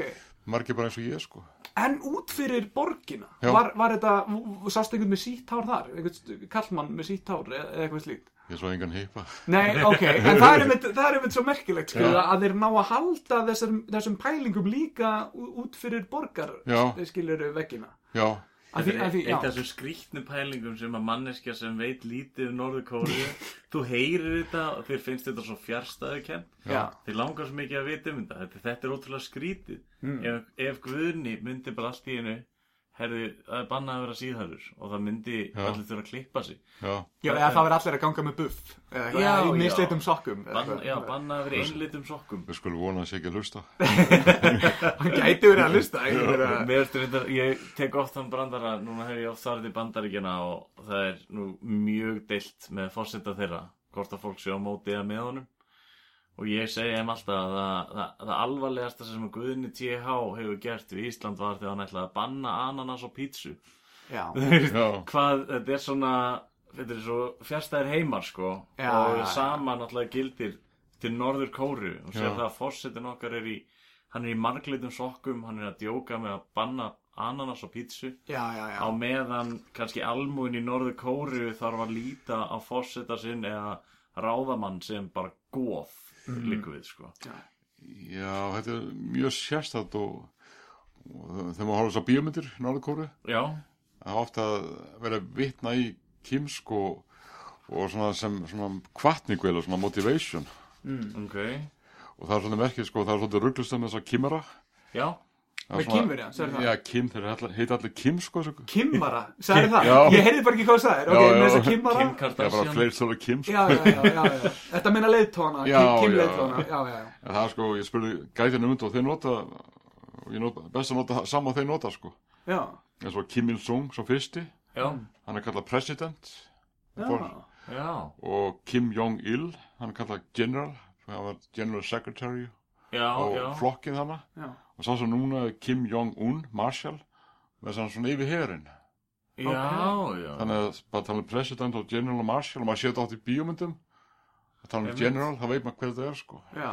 Já, já, þú meinar Já. Hvað er þá Þeir- næst já, þannig? Erum við þeir- að tala um að kaftinninn er næst eða Ha, eh, kemur þá kaftin, kaftinninn? Ég veit það Er það ekki. svonur hans Kim Jong-un sem kemur, kaftin? þau vilja finna eitthvað sko. Já, af því, Já, af því einhvers já. staðar endar þetta, þetta Já. endar vantilega í private og svo hvað ertu með fyrir neðan haf? Já, allt í Seviljan? hennu komum bara Kim hérna almúi Já, já, já, Seviljan. Sevilja. Komur að Kim. Já, já, en en þetta er svolítið skemmtilega samt Já, pæling sko, þetta er- þeir heita allir Kim já. og til þess að einfalda þetta bara fyrir fólk Já. sérstaklega erlenda ferðamenn og svona Og þeir nota mikið, í- hans, þeir nota það sjálfur í kóruðu bara sko, norra kóruðu. Já, já, já, já Þetta er, þau kannski ruggla skjafningi á þessu eins og ég það. Ég var með, ég var með eina bílapælingu með hérna með þarna Norður Kóru sem var að, ég var, ég var að pæli hvort að Norður Kóru að væri svona eins og Kúpa, væri gamlir bílar og þannig, Já. en við komumst að því að þú varst þarna í Norður Kóru eitthvað tengt einhverju bílaframlistu Já, það er svona, svolítið merkilt að, Af því maður sér nú ekki marga bíla þegar maður sér heimildamindir eða myndir frá Norður Kóru, maður sér ekki mikið af bílum að það. ég, Mér var Mm. bent að Samt það eru vegir alveg út um allt eða svona í borgin allavega. Mér var bent að það væri mikið að Rolls Royce sem væri mjög óheppilegt fyrir Asjubúa til dæmis bara að segja Já, já, út af verðunum. Já, Eh, Það væri Rolls Royce, eh, nei, hvernig, hvernig er þetta? Lars Reis. Já, Já, eh, já. já, það er svona, mál er að það er sko heimsfriða samtök fjölskylduna, það er svona, já Heims, endilega, heims friðarsamtök fjölskyldur. já, endilega segja okkur frá því þetta er hérna- svolítið flók, ég var, gerði þarna svona friða, sendi herri á þeim, Já. síðislega vettur Já, og flutti erindi núna hjá þeim um norra kóruðu. ok. og ég las æfisum að þetta var Moon sem stopnaði Já, Moon er hver? Sun Myung Moon það var sko, hann var fættur í Norðurkóru mjög merkileg bók Já, sem þetta, og hann eh, hann fættist í Norðurkóru og, og var í fangabúður og lendi í alls konar vesen líka með Japan og svona og já, var verkfræðingur og, og stopnaði eiginlega svona já, trúfélag en það sem er merkið hann hefur beist sig mikið fyrir frið og hitt leitt og Gorbachev og Reagan og, og líka Kim og kom á svona fjölskyldu samskipti og fleira og já, já ertu að minna þá Kim, hérna, leiðtóa... já, Kim Il-sung hérna, Kim Ég Il-sung, meina að sá hitta- fyrsti. já, mér minna að hitta- President. já, já Ok, og svona Stofna samtökin ekki kvöld eða nokkuð? sem er þessi kvöld sko, þetta er svona bæði trú og líka eða merkilega það, það sem er búin að gera sko í samt- ýmis verkefni samt í frið og, Já, já, já. og svona já. ýmsa góða hugmyndir og Sérst, hann, er að, hann er að ná sam, reyna að koma samskiptum á á milli Já. þessara aðila. já, Ah. Já, og hann flott. tala um að sko Hann að, er ennþá lífi í dag, já. nei, hann er látin konan stokk við og ég heimsótti síðan höfustán í söðu kóru Mm. og það eða merkjandi bók og hann er sem er sammála sko, ég er nú ekki með til þess að hann segir að, að það er ekki menn sem er stjórnmæðin sem breyta heiminu heldur sko er það menning og list sem snerta hjörtu fólks Já, já, sem breyta heiminum. já, Það er ekki Heldur. mennirnir sjálfur. nei, það er svona eða margt merkjandi kringu þetta sko, það er eins og í Ísland það var svona kallt samvættu Kína og, og Ísland svona tíma sko í kaldarsíðinu Nú, nú, ok. að það var það kínusk íslenska menningafélag sem held alltaf tengslu við Kína Já, og, svona, og það sem hann gerði í uh, söðu kóri hann stopnaði sko litla, engla, litla englana hmm. að það var svona krakka sem syngja og senda á sem út um alla heim sko til lönd sem voru að hjálpa þeim í stríðinu og, Svo var að hjálpa suðukoru í stríðinu. já, Já, já, og þeir fórt og teknum mótið þeim að fórsetum og fleira og, ok. og Ekki rugglaði samansamt við hérna glæpasamtökin Littluvítis englandir. Nei, nei, Já, og svona þetta er svona merkjur prófsat og hann fór líka að heiti Kim þarna mm. og það leiti þess að hann stopnaði bílaveksmið í samstafið þá já, og framdi bíla sko sem heita á kóru sko, sko friður og ég fann þessa bíla Hmm. og málið er að það þeir virka enn. já, já, Ok, Það er þetta góð fyrir sig. en svona málið er að það kolnaði samvættu milli söður norðurkóru mm. og þá eignast norðurkóru fyrirtæki algjörlega Mm. og það er svona samsendingaversmið frá Kíl, bíla frá Kína núna já, Og já, Þetta eru flotti bílar, Já. svo mikið af þeim og ok. Og voru þeir svona, k- ég veit ekki íslensku orðið, svona compatible með kýmverska bíla? Svo þeir gáttu nota auka hluti um kýmversku bílum eða svona til að halda þessu starf. ég reikna halda með þessu því sko. gangandi. Þetta er svona, Já, svona skemmtilega saga sko, þetta er svona logoið, það er svona tveir fuglar sko.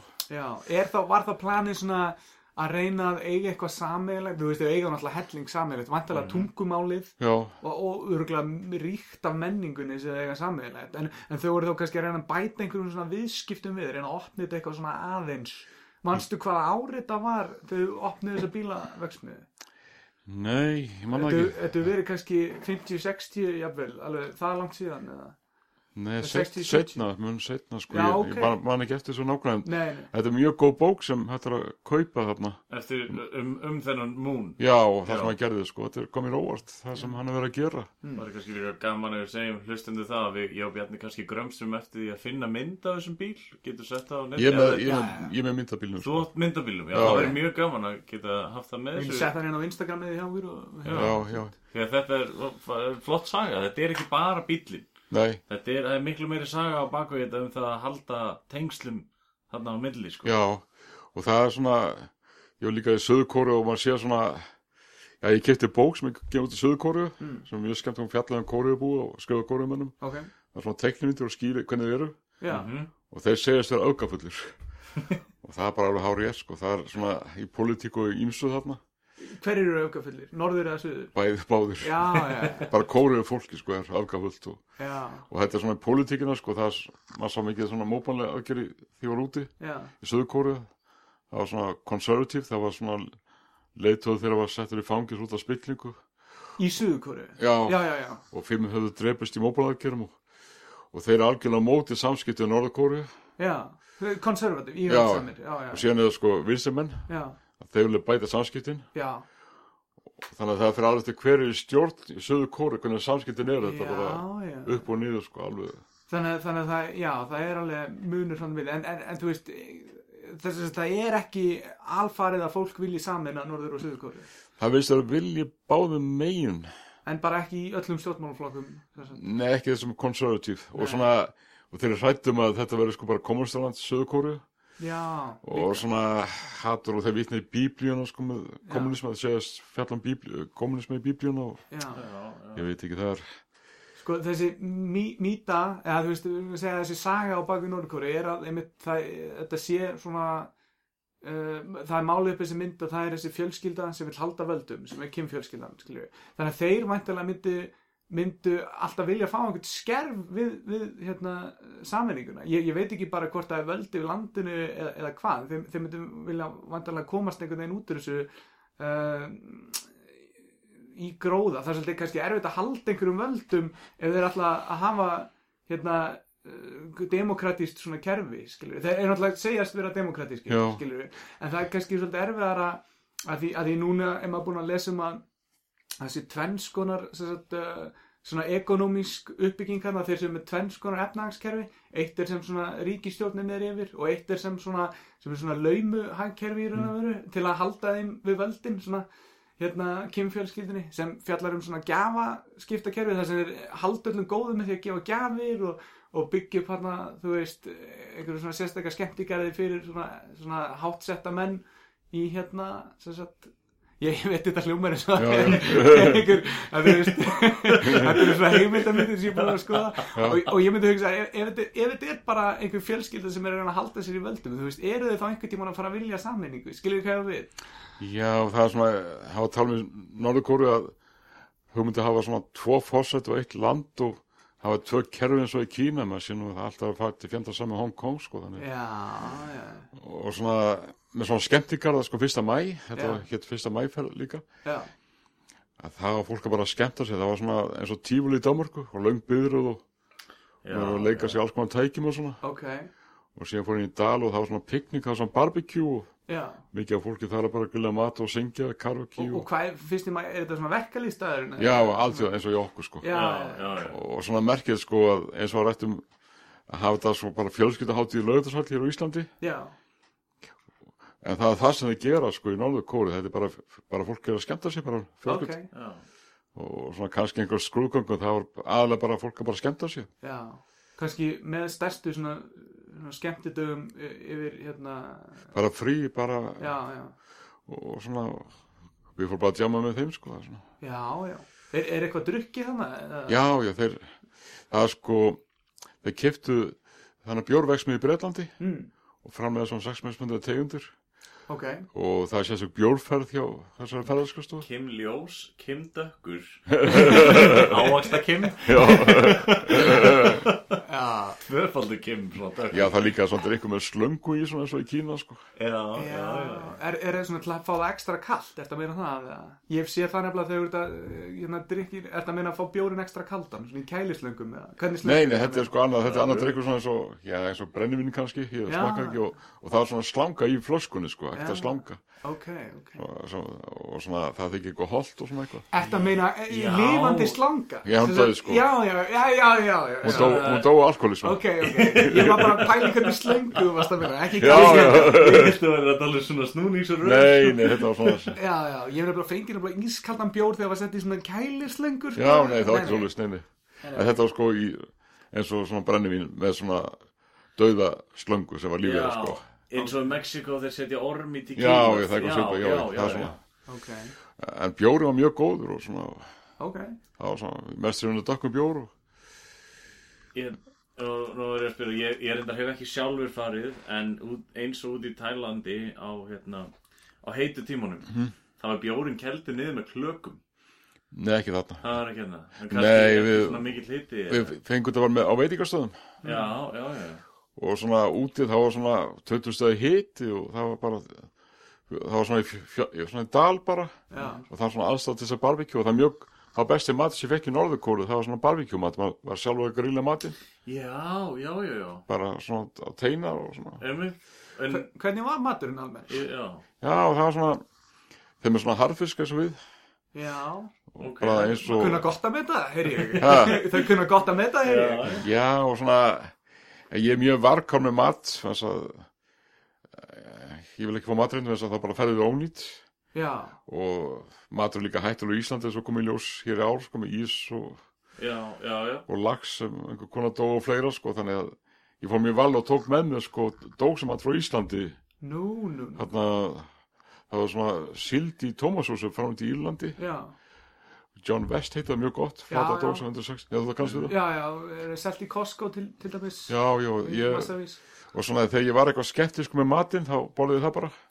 Það er, En hvernig, Mjög undir gott hvað að vera svona varkar einmitt. Ég held, ég, ég trúi því. Já, En útskýri fyrir mér, hvernig, hvernig byrjar að vera varkar? Hvaða, hvað eru viðvörunabjallinar? Er, er maturinn ennþá að hreyfast? Eða, þú já, veist, hvað- já, já. þegar maður fær nýbúar hérna. það, það er svona eitthvað, eitthvað svona skinja, það er svona volgum matur, bara svona, eða svona hlaðbór með volgan mat, Já. bara volgum matur, það er svona bakteríugriða, sko. Já, já, já. Hlaðbór, Og svona já. eitthvað sem er leist ekki nú vel á, sko. Ok, og svona og sumt var svona hugsunar ástæð með svo eins og mjög, þess að mér var mjög gott sko, ég bara vildi ekki borða, það var svona hundakjött Já, actual hundakjöf já, já, Já, og það var bara, bara besti matur það þótti mjög gott það, þessu, þessu borða þetta var eins og kanínu á bræði, eins og Já. miklu öskulíð sko, svipað Og væntalega bræðast kaninan eins og kjúklingur Þannig að já, já, það, og, og þetta er líka borðið í söðu kóru og það er, já, við erum e- einn af okkar fremstu hlustendum Er ofta sendin myndir af hundinum, hundinum sínum. Hún verður já, mjög sára að heyra þetta ok En þú verður kannski mjög ánægð með það að hann, hann, þú já, vildir ég borða einu ekki sko, sinni já, borða. já, ég, Já, En við fengum reyndar aðra spurningu frá hlustanda já sem var, eru skyndibitastæðir í Norður Kóru og hvað þá, Kim, eða þú veist, Norð, Kóreska McDonalds eða, ég sá það ekki nei, þú sást það ekki. ekki svona skyndi bita og, og svona, það er svona veitingastæð sem fór mikið á Já, já, já. við fór eitt stað sem er fræður sko, það er svona Pongyang Cold Noodle Soup já. Old noodlesúp já, Ok. og það er svona Vessa Kim og Moon, Moon leiðtói söðurkóru voru saman að borða þarna Já, já. og svona ég smakka það ekki og þeim fannst það vont þeir sem borða það sko ok en þetta er svona frægur eftir þarna Já og það er, En, en var hann á fleiri stöðum? Var þetta keðja eða skilur Nei, nei þetta er bara eitt veitingastæð sem ég er frægur sko, sem Já, fræðist já. staðurinn fyrir þessa súpu sko Ok, Já, já, já. en svona eins og bara sjoppur, nammi sjoppur og Já, ég sá það, bíóhús og já, ég sá Fyrst að svona, kíkja í þetta allt eða? já, ég sá svona sjoppur sko Já. svona skúrar það sem maður var að kaupa eitthvað Hvað segirðu? það var svona skúrar svona Skúrar, já, já. Mm. já, ég, ég sá, Smakkar er nammið þarna? ég manna ekki satt sér Ég man, ég man að vindur eftir einni mynd sem þú sendir þá varst að borða súkulega pítsu. Já, það er mjög gott, já. Var það, það var í Norðikóri eða? Já, Já, já. já, Það já. er mjög snemmast að þá ég borða sko aðarlegt og eftirleitt samtímis. Já, mjög ah, hendur. Ah, það var mjög hendut fyrir ung börn sem vilja ekki aðrættin og geta bara Og eftir þurfa, Já. og þurfa að drífa sáttur á akrana, skiljum við. Það var enga tíma til að borða það, sko. Já, En, uh, ok. Ég er enda líka með pælingu Núna í Asíulöndum reykir fólk alveg rosalega mikið tóbak Það er- það er ekki þarna í Norður Kóru ekki norðakóru fannst mér. En þú er náttúrulega ferðast til Kína og svona Er ekki svolítið mikið reykingamenning? Það er svona ákveðin svæði, mér finnst það lítið í Beijing núna, ég er oft búin að ferðast um Kína Já og það er kannski mingandi sko, ég þóra ekki að fullur að henn. Nei, nei, nei En það er orðið pínu bara absolutt á Íslandi Þú ert orðið pínu skrítin á Íslandi að reykja sigaretur Já. finnst mér. Ef það, það er annarkvort eitthvað tóbak í nefi vöruna eða þá hérna rafsigarettur Já, það er mjög voða gott að losna við þetta, þetta var mikið reykt í gamla dag þegar ég var yngri. Já, já, já, já. Maður fór í fermingaverslu og þessi krakki var halda auðu bara eftir sko. Já. Eða bílferð með ömmu sinni eða eitthvað. Já, það var bara já. aðri tímar, sko. Og skemmtustöðum, maður var bara í langur þóku bara einhverjum. Ég, er nefnilega- ég man ekki eftir því þe- þessum tímum og og ég sótti skemmtist alveg þegar það var reykt inn á þeim og ég man ekki eftir nefnir svakalegri Og breytingu það líka reykt í flugvílum. Já, já, passar Ég maður eftir því sko, það var ekki gaman. Þú Það hafi reyndar ekki verið- Bjarni hefur tjáð, tjáð hlustendur það að þú ert mér þakkláttur fyrir óbeina reykingar. Já, stundum eh, allavega þegar hérna þú veist, ég kann allan að meta þær af því að amma mín kendi mér það þegar hún var með lokaða rúðunar á, á hérna, bílnum sínu og hún var að keira og hún kveikti í einni kent kannski og, Já. og það var bara mjög næs fyrir mig sko, ekki, örglega ekki á þeim tíma en hérðan, eða þaðan í frá hef ég alltaf viljað standa við hliðinu á einhverjum sem er að reykja það því ég kann alltaf vel að meta svona smá óbeinar reykingar sko. En það er kannski með vindlar og pípu, það er góð lykt, en ekki með sígarettu, það er svona, hún er ekkert góð sko en það er bara eitthvað kikk sem það fær held ég það er rifjað með ömmunu upp, já, svona, já, já, nákvæmlega svo sentimental. Já, en ef þú hefðir orðið veikur að núti, ef þú hefðir Já. orðið fengið matareiturinn eða eitthvað, hvað var planið þitt þá? Já, það er, það er sko svo sama að varða, kaupa ferðartryggingu, Já, annarkot hjá, hjá þeim í annarstáru, ég kefti hjá þeim, Ok, og þá er ég líka með tryggingu, sko, F plus hérna hjá Vís, já, já, já, já. og, og það er líka kortatrygging, og þannig að SOS, þú var frítryggður bara. já, já, Ok, og svona SOS er í samstæð Vís, já, og þeir eru mjög góð svona neyða þjónustu, sko, ef maður veikist, já, ég hef nýtt með hana einu sinni eða tvissar og ok, var út af veikindum og það er fyrirtækið Dömörk og, og þeir senda jafnvel enga þóttur að sækja fólk bara sem er veikt og slasa. sem sagt þú myndir ekki fara kannski á spítala þarna, þú myndir Jó, ekki láta ég- sækja þig. Kannski bráðamóttökuna. Já, ég myndi fara á spítala og maður veit ekki hvernig þeir eru, það er einhvers, en maður myndi reyna að komast til Beijing og, Já, já, og svona, ef maður komið maga eitrun, þetta getur alveg mikið basl bara og vesen og Ég, ég er einmitt að koma úr svona slemri magapest sem var ekki einu svona komist að því hvað var að mér sko. Já. það var hana, þess að ég sendi skilabóðin með Já, um já. daginn hana og ég er ennþá svona smá, það er ennþá smá grugg í maðunum mínum og mér er þess að læknarnir hérna heima þeir náðu ekki einu svona komist að því hvað var að sko. það var að kvíða fyrir að hitta mig. Ég bara- það fylgdi ég samt engin uppkast á niðurgangur þannig að þú veist, þetta er, ekki, þetta er bara svona sásöka kvíði en Já, það er já. ekkert ókýrslegur kvíði vellega sér Pítur merkir þetta, ég heyrðum annars, ég fekk það líka svona stingandi magaverk. Já. Var hann að fara að hitta þig? nýlega Já, já, þetta er kannski eitthvað að ganga bara, sko, þetta það svipa enginn að þú lýsir, sko. Já, og það, það kom einmitt ekki uppkast Nei. eða neyðgangur, nei, nei, ok Sko, það líður ekki þáttur hérna, nema við ræðum hæðir að minnstakosti Ok, já, já. þannig að Mismunandi bara svo við litir. veitum hvernig þemað er í þátturum Já, ok, Ok, við við lítið og svona eitthvað. Við, við höfum, eins og við töluðum fyrrum í þessu þætti, að við komum svolítið til dýran eins og við erum glættir, sko. Já, ég sé það, Og fólk, fólk hlustar á þetta bara á þetta því að við erum við, held ég. já, Og það þarf ekki að vera að skafa neitt af því. nei, En Það er hérlega, ég, ég er gáttaður yfir að heyra á þessari norður kóriðuferð, mér finnst þetta magna hjá þér. Er, er eitthvað svona sem, þú, þú komst með punta með þér, er eitthvað sem þið langar svona að tala um frekar um norður kóru? Eitthvað sem þér fannst alveg einstaklega sérstakt? kannski eitt svona, sem er svolítið merkið sem komið óvart svona, því ég komið heim og fór að grúska, Já. að það söngur þetta Ari Rang Já. og þarna, þetta er mjög vinsal söngur í Kóru, bæði Norður og Söður Kóru Mm. og bæði löndi fengið þetta skráð sem er hjá UNESCO og þetta er mjög gammal söngur, þannig að við svona 600 ára gamall mm.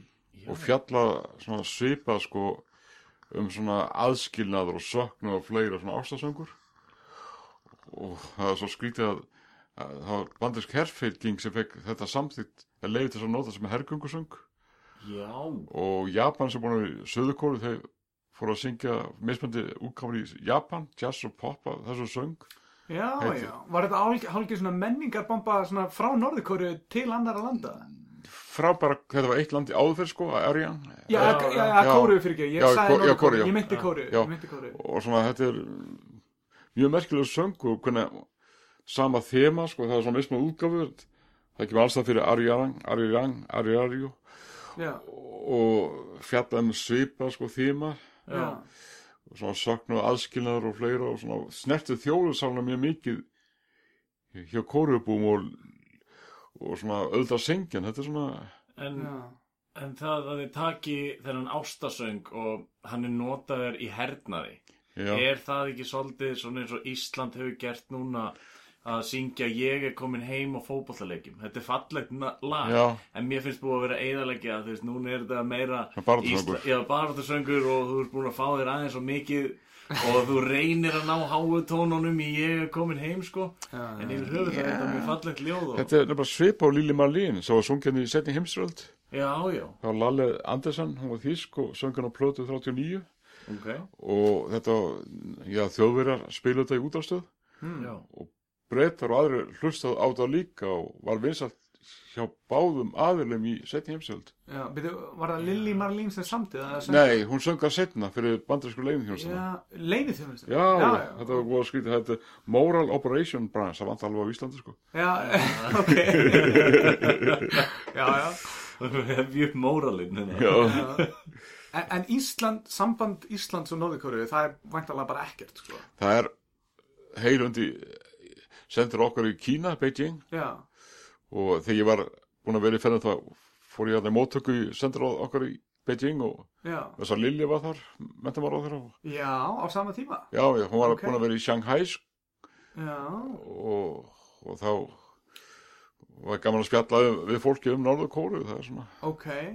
það er mikill áhuga um Norðurkóru, margir er forvinni um Norðurkóru það er, Já, það, er það bara- er bara ástæðan fyrir að 100% ástæðan að hverju þú ert hér, sko. Já, já. Ég- Ef, ef ég hef ekki haft angangað myndinu minn á Facebookinu, þá bara sætir ekki hérna, sko. Nei, ég, nei. ég var bara svo hissa að sjá þetta og ég var bara svona, en ég veit ekki af hverju, en, en ég, ég hef náttúrulega bara hitt einu svona áður í lífinu mínu, en ég hugsaði, já, ég er ekkert hissa á þessu einhvern veginn, ég bara, Nei. að því ég hafði séð myndirnar á ferðarleginu Já. og þú hafðir áhuga og hefur svona, mér finnst þess að hafi svona öðruvísi sín á heiminn heldur en hinn venjulegi svona vestræni maður, Já. eins og sést svona opinn fyrir svona öðrum fjölmiðlum líka Já. svona, svona þú skoðar málið frá öllum hliðum í staðin fyrir bara að, að hlusta bara bara á ríkisfjölmiðlinu eða eitthvað skilur þá ertu með svona opnari hug skilur, já, ég fylgist með mjög ólíkum frettamilum og, já, og spennandi að líka heimsækja lönd sem hafa slæmt orða sér eins og ég var m- mikið í Íran já, og, já, já þrjár viku þar að ferðast og ok, og þú varst ekkit fangelsaður eða Nei, nei. nei þess ég var líka í Sávitrögnum en Menning- já, fyrir fall múrsins já, rétt áður bara já, ok, hvað gerður þú til að múrum fjall, Var- varst þú að eitthvað sýsla um- með það eða? talveg líður um og svona eitthvað kjátt Já, einmitt, og komst þú þessu, hérna, þessum ídlusögum um, um, um hérna, Sovjetrygin og hvað líðræði væri betra og svona Já. þá fjallan bara Þetta var spennandi ferð sko, þess að þetta var með menningateng- menningatengs Íslands og ráðstjónaríkinar og ráð, stjónaríkina, það er sko Já. gamla orðið við sóðryggjum svona, ráðstjónaríkin sko ég vissi það ekki, ráðstjórnar ríkir. ríkir Flott. Mm. já, og- þannig að þetta var svona félagið og svolítið halvu óbyrbröst við heimsátt ímsa aðeila sko í borgarstjórn og fleira í, Já, já, og svona þetta var mjög spennandi ferð, á Líka- mánuða ferð sko líka Sovjetrygin hlýtur að hafa, eins og þú segir, hafa verið illasta landið bara á sínum tíma, ég meina með líka bara alla, allan áróðurinn sem var í gangi, Já. skilur þú veist, fyrir, fyrir utan það að, að þú veist, þú veist, setni heimstyrjöldin og kaldastýrðu að þetta er allt búið, skilur, en, en áróðurinn var svo mikill, þannig að það hlýtur að hafa verið illasta landið bara á sínum tíma. já, ég var aldrei hrættu við, ég var aðeila hrættu við breytana bara, Já, út af þorskastríðinu sko, eða maður breyð, maður, já, já, kannski maður hataði freka breytana, maður hrættu við það sko en þetta var þá- sá móðið í gamla daga sko, þetta var Lentur, hefur einhvern veginn lendið að hitta breyta sem var actually reyður út á þorskastríðinu? Nei, Þið bara fannst það kannski smá svona. þetta var bara þetta var erfið tíma sko, þetta var góðs í Vespanei og það var mikið verðbólga og, Já, já, og síðan þorskastrið og svona þetta var erfið tími fyrir íslensku þjóðuna og, klárlega. og svona þetta stríð maður það var svona mikill, ég hatur í Já, gangi og það, já, satt að segja og ég, þegar menn er hissa að sjá fólki í Íran Death to America og ráðsinn á sendiráð, Hvenær var það þú sást það? Þannig að Íran. hvernig var þar? Já, en- Já, eða sástu það þegar þú varst í Íran? Nei, nei, það er var bara sem mjög skrifa. frækt sko, það er svona Já, En maður hugsaði saman breytan og líka þá ráðast á breska sendiráði hér já, já, með steinkasti og þannig að maður búin að upplega sama svipað á Íslandi og, og Íran þótt á miklu alvarlega það sem skeiði þetta í Íran sko. já. Það var svona, og bara svona Ajax og fleira þannig að, Ajax, já það var sko, ja, málið er þannig að þetta 58 minni mig já, að um, það var, Íran var búin að velja mann á þing sem var fósisára já, og það var mikla deilu breyta með þess að Írana fengur svo lítið hlut þetta er svona 30% af arð af oljuframlýslu já, þannig að það endur með þetta bara þjóðnýttu oljulindunar já, og þá breytur á bandryggjumenn leininþjóðsina tók svo saman og, og gerði valdarán í Íran já, út og af... koma að því. þarna Já, já. sennu keisara og Þessi, þessi olíu barátta er búin að vera hann bara síðan í raun og veru bara lók seinni heimstyraldar nánast eða já og ástandi í dag það skýrist út af því sko. Já, já. það er svona margt fleira þar það er allt svona dominós síðan þá svona það er sakfræði bara dóminu sko. já, og er þetta losn úr þessu það er svona já, og ofta menn skilja ekki þjóður mann horfa á eitthvað sem er skýrt dag í fréttum en það þarf bara að vita söguna þá skilja menn já, Hvað er í já, gangi? þá skilum maður þetta frekar já, já, Núna bara að spjalla við, við erum að, þetta er um það byrja klukkutíma en ég er að pæla bara, bara þessi klukkutími. Ég siti það og hugsa bara, ætlar að gefa út æfisugu? þetta sko, ég, bara það að fá að heyra þetta, lífið er búið að vera ferðalag, Já. eða allavega stórt ævintýri. já, Þetta, þú ert búin að fara á marga staði á erfiðum tímum, já hefur einhvern tíðan dótt í huga að, já, það Já, er margir menn- búin að hvetja mig til þess ég var að spáði svona ljósmyndabók já, ég, og svona en þetta er mjög erfið marka, ég er búin að tala um marka í samtíð, svona útgáfu, sem hafa þekkingu útgáfu og bókasölu já, já, já.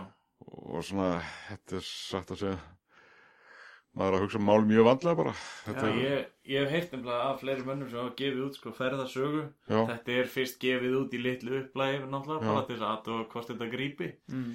Þá kannski kemur stóri aðilinn inn og gefur hann út En ég allan að ef þú gefur hann út já, Þá hérna, erum við búin að kaupa tvö eintök já. ok þá er þetta alveg og mögulega eitthvað til að gefa í jólagjafir já, já, já. Því að þetta er alveg, þetta er mögnusaga Ég, ég líka stoppa alltaf því ég sé myndunar frá þér á Facebook og ég sé að það er einhver mynd frá þér þá les ég líka alltaf textan Já. og skoða skiljum mér finnst alltaf mjög merkilegt hérna myndunar sem þú setur einmitt inn og eins og þú segir þú er búin að ferðast til nánast bara allra landa þarna í Asi og eitthvað það er alltaf einhver svona merkileg svona smá saga þú veist, uh, hérna hvað þú varst að gera hvernig þú varst að hitta, alltaf svona þú veist, þetta er svo vel dokumentað Ok, hjá þér. já. þannig að í framtíðinni ef, ef þú munt Já. einhvern veginn vilja setja eitthvað svona upp þá verður það svo aðgengilegt fyrir Facebookið þitt, skilurðu. þú getur bara alltaf að nota það já, ég þetta er sko ég skrifa allan text á Word, einu skjali bara já og síðan kópir það yfir í Facebook þannig að þetta er bara á einu skjali allt sem ég er búin að já, skrifa lí- já, líka Já. það já, ég þannig, gera að þannig sko Þú voru ekki að hafa ágjur að því að skýtu hendurnar hjá Mark Zuckerberg sé eitthvað er, Nei, nei, eða nei. þeir henda þér út af Facebook út af einhverjum ástæðum nei, nei, þá ég er með, það tínt og grafið nei, nei. ég með alla myndir og allan texta sko, Já, alveg sér já, bara hana já. í tölvunni sko Þannig að þú ert lúmst að skrifa ferðaæfisöguna þína inn í þessu vörðskjali Já, þetta eru bara svona auglýsingar, litlar auglýsingar já, á Facebook svona. það er svona þetta er mjög tryggs í marka ég hef heyrt að ferðasögur hér á Íslandi seljast ekki sko En Það er bara eitthvað leiðilegt fólk já ég veit og svona ég er bara að spá svo hluti þetta er svona þetta, maður þarf að hugsa þetta frá sjónarhortni útgefanda Já, já, já hann vil auðvitað græð á þessu og maður þarf að vera með eitthvað sem hann getur grætt á Já, það er náttúrulega og alltaf hann þarf verið að hugsa um mögulega hverju vil að kaupa þetta og, Mm. og það er svona mikla pælingar sko Þetta, þetta allan að heyra þetta, þetta, þú veist, bara fyrir mig persónlega ítum hann út í það að vilja skoða heiminn meira já, og það heit að þetta, maður getur gert það bæði dýrst og ódýrst og það er góða bæka frá Rod Traveler Já, sem er fjallan hvernig þetta ferðast mjög ódýrst og ég hitt fólk sem er bara mjög fátat en er bara á flakki sko þetta er einmitt, ég, ég hugsa svo oft út í þetta, ég sé fólk sem er að ferðast um allan heim og ég er að skrapa saman peningum já, til þess að geta farið einhvern tíðan út ég, Er þetta ekki bara það að taka skrefið og fara út? jú, sumir bara fara með átt kannski fólk sem er ég fara á hausinu og orðið áföll og þeir bara kaupa bakpók og fara út og Einmitt, Ég á bakpokan sko, Ok, ég bara, þetta var mér vant- komið. mér vantar bara skrefið að taka stóra skrefið og fara út Sko, Þetta er þú lí- verður bara að muna að taka með þér niður svona sardínur frá John West Já Þetta er líka passaði á uh, volga matnum í hladborinu Þetta er líka hvað maður bera ábyrð á öðrum eða þú með krakka og fjölskyld og fleira sko, þá, Já, ja. já, já, já samt er að fólk að ferðast með fjölskyld og, Já, já, já, það er bara þarf að gera einhverja smá aukar ástafanir held ég. já, sumið kaupa bara einhverja gamla senderabíl og innast að búa þar og, og svona sumið er bara á bát, seglbát og sigla og, Já, við þekkjum nú, það er einn hlustandi hérna sem að hann er búin að vera að bjóða ferðir, hann á bara lítinn bát, seglir um heiminn. já, Ég átti nú svona bíl og planið var alltaf að fara út, en svo kom í ljós að það kostaði sko, liggur við helmingin af því að, það kostaði helmingin af því að bara koma mig til Evrópu með Norrænu Já. eins og að breyta bílum. já, og það er líka smunning að kaupa það bíl úti, Já, það var einmitt. Ég, ég sá fyrir mér frekar kaupa bílinn úti, já heldur en að gera þetta hérna á Íslandi. og það er líka kaupa hagkvæmara- bíl úti og, og hvað og bara svo selja hann þegar þegar ferðalegi Já, er við, búið það, við erum á þessari litlu eigi út í Atlasafi Það er Já. svo erfitt að koma okkur að sko, já, meginlandinu. já, já, já. og það er líka að sumið gera það til- í þess að vera að leiga bíl og kaupa bíl og selja hann bara já, já. og það kemur kannski miklu ódýra út en að vera að leiga bíl Einmitt. Já. og svona áður fyrir því að yngra fór að ferðast svona með interrail í gamla dag, það er þá til í dag sko með svona lesta með þessi gildir á þriðja klassa í lestum í Európu já, að þá sæði ég stundu bara á ströndi eða þar í görðum eða á lestastöðum og stundu farfugla heimilu og já Þetta er, þetta er- þetta er æfum fyrir maður. ég meina, hann er búin að heimsækja Sovjetríkin fyrir Já. þetta, skilja Já, já. já. já, sko Einar er nefnilega ferðaperrin í hópnum, hann Ok. okay. fílar alls konar svona ferð, ég, þú veist, ég vil helst bara vera heima undir Já, sæmstu já, nánast og hérna Einar er einmitt ferðamærin, hann er einmitt að spája að kaupa sér bíl og gera hann upp eða ekki, hérna, Jeep Jú, Rubicon jú, jú. já, þú veist, Ég meit sko, það heyra því talum þetta sko, tengda það að mér var, eh, gaf út ferðasögun og sína, Já. sem er interrailferð, þetta er Guðjón, og hann er meitt sko, hann er ekki komið með publicist, útgefanda, Nei. hann gaf hana bara svona út í fjölskyldana bara til þess að, þú veist, hann vill að fólk viti söguna, já, því að hann skrifa allt niður og það er alveg, það er magnað að lesa þetta, þetta er náttúrulega 40 ára aftur um tíman já og munurinn á ferðalöfum núna og, og þú veist, með klæjar í fingunar þetta er kannski að sama tíma þegar ég var að ferðast Ég geti verið vel verið og kannski varst að bara, ég var aðeins fyrr sko það var svona, Já, það getur vel verið sko já, þetta var mjög spennt og þetta er en þá, þetta kaupir svona kort fyrir ungt fólk að ferðast og, Já, og heiti, hvað- ég held að heiti ennþá interrail eða Jú, jú. Europass eða eitthvað það er, og þú, þú hvetur þú, vir, þú hvetur kannski ungt fólk til þess að fara og skoða heiminn já, já þetta er besti skólinn, Þetta er besti skólin já, já mm. og f- þetta var svo alþjóðlega samfélag og Já. með ferðarþjónust og fleira skiptir miklu máli að þekkja og geta haga sig í annari menningu sko, þetta er, Þróskandi já, þetta er svona þetta getur verið mjög flókið það sem er kurtesi í einu landi og ókurtesi í öðru og svona, þetta er Já, maður er að vita svona hvað maður á að gera og hvað ekki gera þetta er, Mm. og ekki, ekki bara vera þessi þrjóski Íslendingur hérna og halda að lífið sé best nei, á Íslandi nei ég er með á heimasíðum með nokkra bækur um hvernig á að haga sig ímsum löndum, svo arba löndum og kína Já, og svona, já var eitthvað þar sem kom þér á óvart sem, nálakóru eitthvað, já, já, eða þú- eða þú ert með eitthvað sérstætt þar, en annars bara í bókinni sem varst að lesa, eitthvað sem var mismunandi eitthvað sem við gerum hérna heima á já, ég, það er Íslandi bara eins og- og þetta hér sem ég ger núna, Já, þú mátt ekki sína undir fótiðin eða ekki í Asju eða í arba löndunum Nú í Arambalendi? Já, já. Já, já, ok. það er svona eitthvað sem er spáð í og og svona, með kynvera svona herbergi fjögur, það gengur ekki sko, þess að það er satt að kynast á því að hljóma eins og dauði sko. Hva, Hvað sér, herbyggi númer fjögur? Já, þeir forast að vera í herbergi nummer fjögur sko, þess að á kynna sko, Já. það hljóma eins og dauði og þeir vilja helst ekki vera það sko. Þannig að það er mögulega ódýrasta herbyggið alltaf í öllum Já, hóttum. Þá já. setur þau í herbyggi 13. Af því, af því það er ekki vestrætt sem mitt verið í herbyggi 13. Já, það er já. bara happatala fyrir einhvern kýmverja. Já, já. Hvað veitum við? Og stundur ekki fjórða hæði í hótelum og svona ímislega sko, þetta er svona. Vá En, en, en er þá 13. hæð eða, eða hvernig veitum Já, það? ég manna ekki Þetta sko. er merkilegt. Og það er líka eitt að það er ekki, með það er bara hrískrón, Já, ekki stingja prjónunni í hrískrón með þess að það er svo kertið sko með jarðaför sko svona. Það er svo að reykja sig sko. það er svona alls konar hluti og ekki gefa hvít blóm til sjúkling það því það er bara döðið sko ok. Vá Það er bara svona kveðjublóm. já, já, g- næstu mítjú Það er eitthvað sem mafjan myndi gera. En svona, þú sem að ferðast mikið, lest mikið bækur, ég er svona, ertu lítið fyrir tæknin í ungar? já, þ- ég er svona ekki nörd sko en það er svona, maður verður að kunna á þetta og... Já, já, já, já. Hann er ekkert nörd einar sko. nei, ekki, Nei, nei, ég er bara að pæla, þú veist, maður fórnar mörgu til þess að geta gert annað. já, Og þú veist, til þess að kynna sér allt þetta efni í bókum og geta ferðast. já Þú veist að fara til landa sem eru kannski ekki nú sérst að fara til Japan, sem eru bara ekki jafn tæknivætt og svona. Þá kannski kemur ekki heimtíðin og ert í ramakstólum að horfa á glæni að sjónvarpið þitt og... þú veist, Ég veit það ekki, þetta er að segja bara... já, skrítið sko að ég hef breyst með árunum eins og horfði ég alltaf á sjónapið Mm. ég er búin að vera í mánu og kveikt á sjónapið tvisa núna bara í stuttan tíma sko Já, já.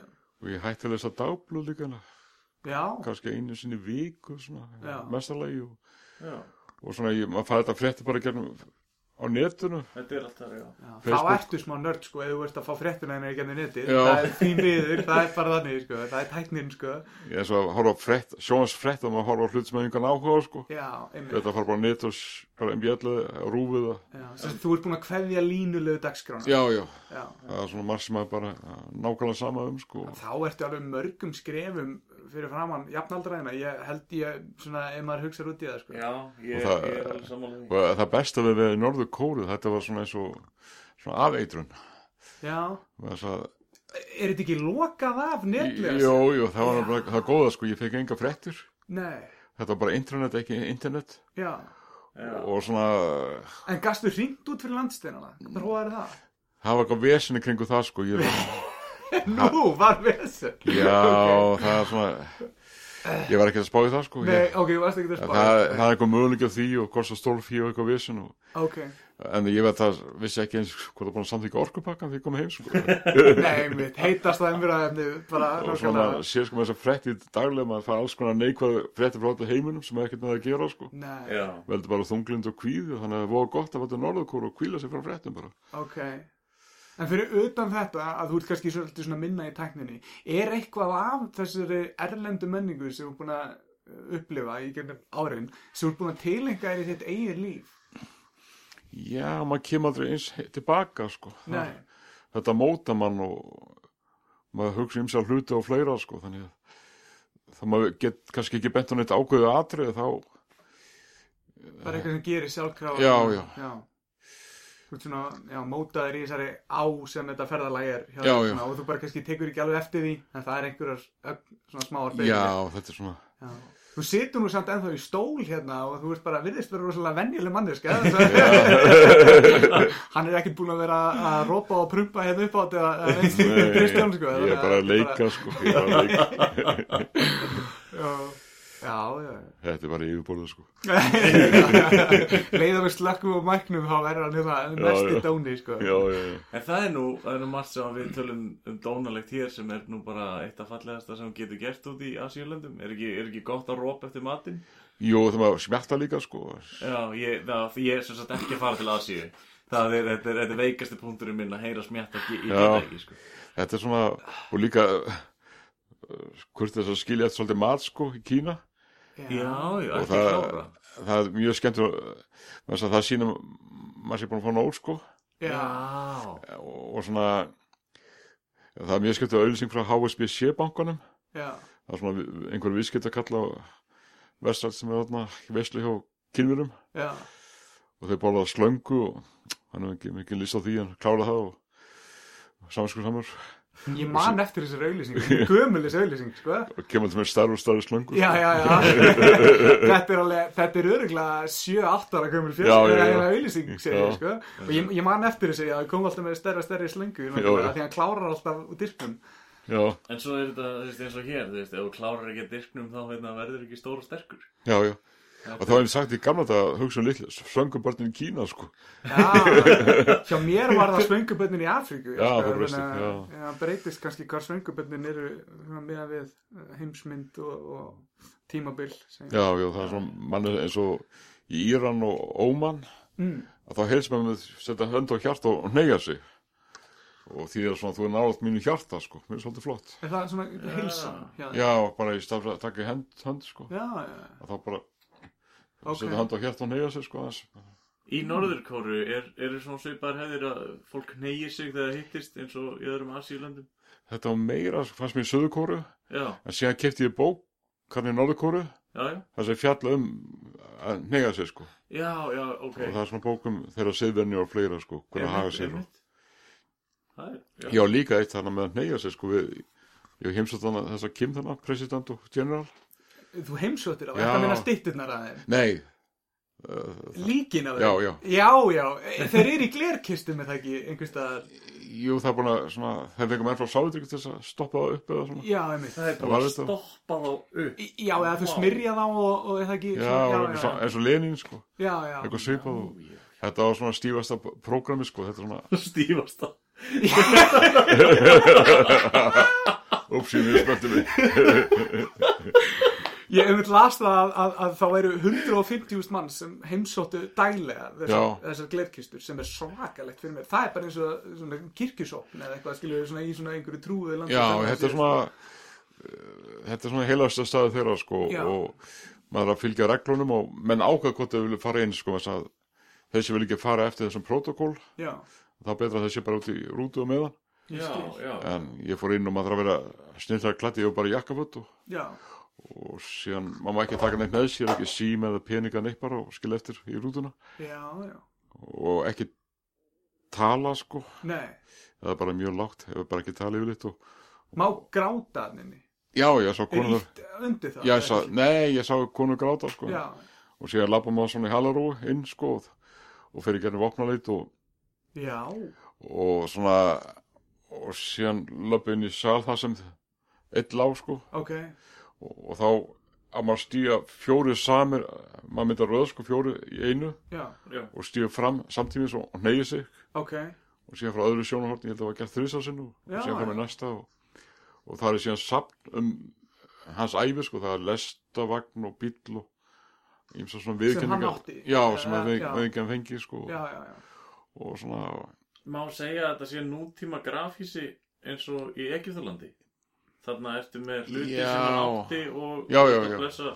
það má segja það, Já, ég held þetta er svona, ég Það farið er til potið Egyptaland líka bara sko. að Já. vita nafnið yfir þetta og Það hlýtur að já, vera grafísi þetta- bara Þetta er svolítið svipað sko, þeir voru náttúrulega jarðaði með þetta jarðneskum leifum og já, þetta hljóma svolítið þannig sko. já, ég ég hef ekki um hugsað með þann ég, ég held að sé bara rétt sko Já, að búið að breyta þeim í hálfgera múmjur, að búið að uppstoppa Þetta er- það og... ég veit ekki hvernig prósessin gerði, það er einhver menn frá Sovjetek sem gerði þetta sko, Já, já, þetta lítur að vera mjög viðkvæmt því að Já. þetta er náttúrulega, þetta eru sko mannleifar. já þetta er mjög heilat fyrir þá og svona Já, já, Já. og það er þetta mjög stóra stýttur af þeim sem menn hefur sig fyrir sko út í þannig Já, ég mani með, ég, ég sé myndir af sko þar sem Kim Il-sung stendur eitt sko, það er svona stór einhver brons eða einhver stytta og nú eru konar tvær sko já, já, einmitt og, og fórstu þangað, það sem styttunar Já, eru, já, það sem þetta- annar er að veifa og hinn er að benda eða eitthvað, já, já. man ekki hvernig það var þetta er á mörgum stöðum Nú, ok og þetta er líka eitt þarna að þegar maður verður 14 ára gamli sko mm. þá fá maður svona nælu með mynd af þeim Já, já, og svona rauð næla með mynd af þeim og útlendingar geta fengið það sko eftir að taka ákveð próf og fulla ákveð með kröfu sko ok þetta er svona, ég heiti eitt gæt vestart sem var með þetta Já, og það er svona ákveðum ferill í kringu það það ok var svolítið viðurkenning frá Norðurkóru. Já, þetta er alveg Já, fyrir útlendinga, það var svona Já, fáir og það er margir útlending sem vinna og búa í Norðurkóru. Já, er það? Ég ætlaði að mynda aftur með það. Já, ég, þeir var í s- það, ma- það er svona NGO svona samtök Já, og þeir var í Suðkóru það heiti ég þarna Löffræng sem var búin að vera með Löffrængskustu í Norðurkóru í 11 ár mm. og það var mjög áhverst að spjalla við hann og, ok Og hann fekk bara að reka sína skustuðu það Já, já. Já, já, en það er svona það vestna ástandið 2017 mm. það var svona við sem er Kim og, og Trump sko já, já Þannig að Svolítið hann- róstur samt þannig að það fótt í Suðkóru og Já. það var svona hættið ástand, mun hættilegur en maður held að var sko. Mér fannst það vera svo rólegt og, og... Já, en þeim- þegar maður er úti þá heyrum við að þetta var alveg litið ástand. Nú, Mm. Hmm. Mm. Já, þegar kemur að kalla Trump, gamli kallan og, og Trump kallan lilla feita kallan svona já, eitthvað. hann kallaði hann hérna Rocketman og eitthvað Já, svona líka, eitthvað, já, já. Racketukallinn og eitthvað, svona, já, Það já, gengur ekki sko. Þeir náttúrulega svolítið sérstakki báðir sem menn bara held ég. Já, við erum svona karakterar. Já. Þeir verðast vera bestu vinni í dag samt, eða svona nokkuð góðir mátar. Dennis Rodman hefur björgað þessu. Já, já. Þetta gengur svona upp og niður og alltaf gert það sko. Þetta er, Já, og svona ég var á góðum tíma og ég veit ekki hvernig ástandið er í dag og nei, nei, þetta er bara eins og þau er. já. En fyrir hérna einhvern sem langar að fara ángað, er eitthvað svona möst sem maður þarf að taka með sér? Eitthvað svona, ég ætla að fara til Norðurkóru, þá mæli ég með að taka þetta með þér. Já, já, það var í hagum að kaupa sáttinu. Það er, það er svo. Já, það þetta er sko þetta að fara í hana göngudeld sóttvarnar Já, og, og láta fara yfir alla bólusetningar og, já, Já. já, og líf og svona og mhm, ég fekk svona síklarlif svona viðtakt ok, maður skildi veikjast og svona mm. og þess að matra eitum það getur mjög alveg það ég þekki Íslandinga sem aldrei náðu sér já, Já, og það þegar borða einhver borða, svona götumat bara úti og, já. og hafa aldrei náðu helsu og Nei, en þeir, þeir hefðu getað komið í veg fyrir það með bólusetningum. Já, ég þór ekki fram með það, það Nei. er bara að sleppa það sko. Já, það er bara að sleppa því. Já, ég Já, það er svona eh, eins og vatn getur stórhættur í ferðalöfum þar já, já. það, og líka þetta moskító líka og svona þetta er, Já, já, nákvæmlega. Bara- Þessi, þessi helstu svona hluti sem þú þarf að vara þig á áður og ferð til þessara landa sem eru svona, svona varasum. já það er bólusending og líf og svona hafa ykkur Já. neyðaplan Ok. En, en, og mælur með því að fólk fari eða? já, já, það er svona eh, en það er nú kannski ekki allir sérvitur og ég, þannig ég veit ekki alveg hvað að segja. Nei, nei Þetta sko, ég ferðast ekki mikið en þetta væri öruglega á listanum yfir, yfir staði sem ég myndi Menn þurfa bara að hafa smá ferðarreynslu þetta, þeir í hópni hafa öllu mikla ferðarreynslu. Allir í hópnum Já, já, það má Já. spjalla við og, og svona, þetta er ekki eins og farið kostið the soul, sko, þetta Nei, er... þetta er ekki svona útskriftaferð Þú vilt ekki fara sko, við útskriftaferð og þetta er svona, það er önnur ferðarskjöld sem heitir Young Pioneers Já. og hún þykir slæm, það er svona fyrirlisferðir og, Til norðu kóru? já, Hún þykir slæm, af hverjum þykir hún slæm? Ríkistjóndinni eða hvað?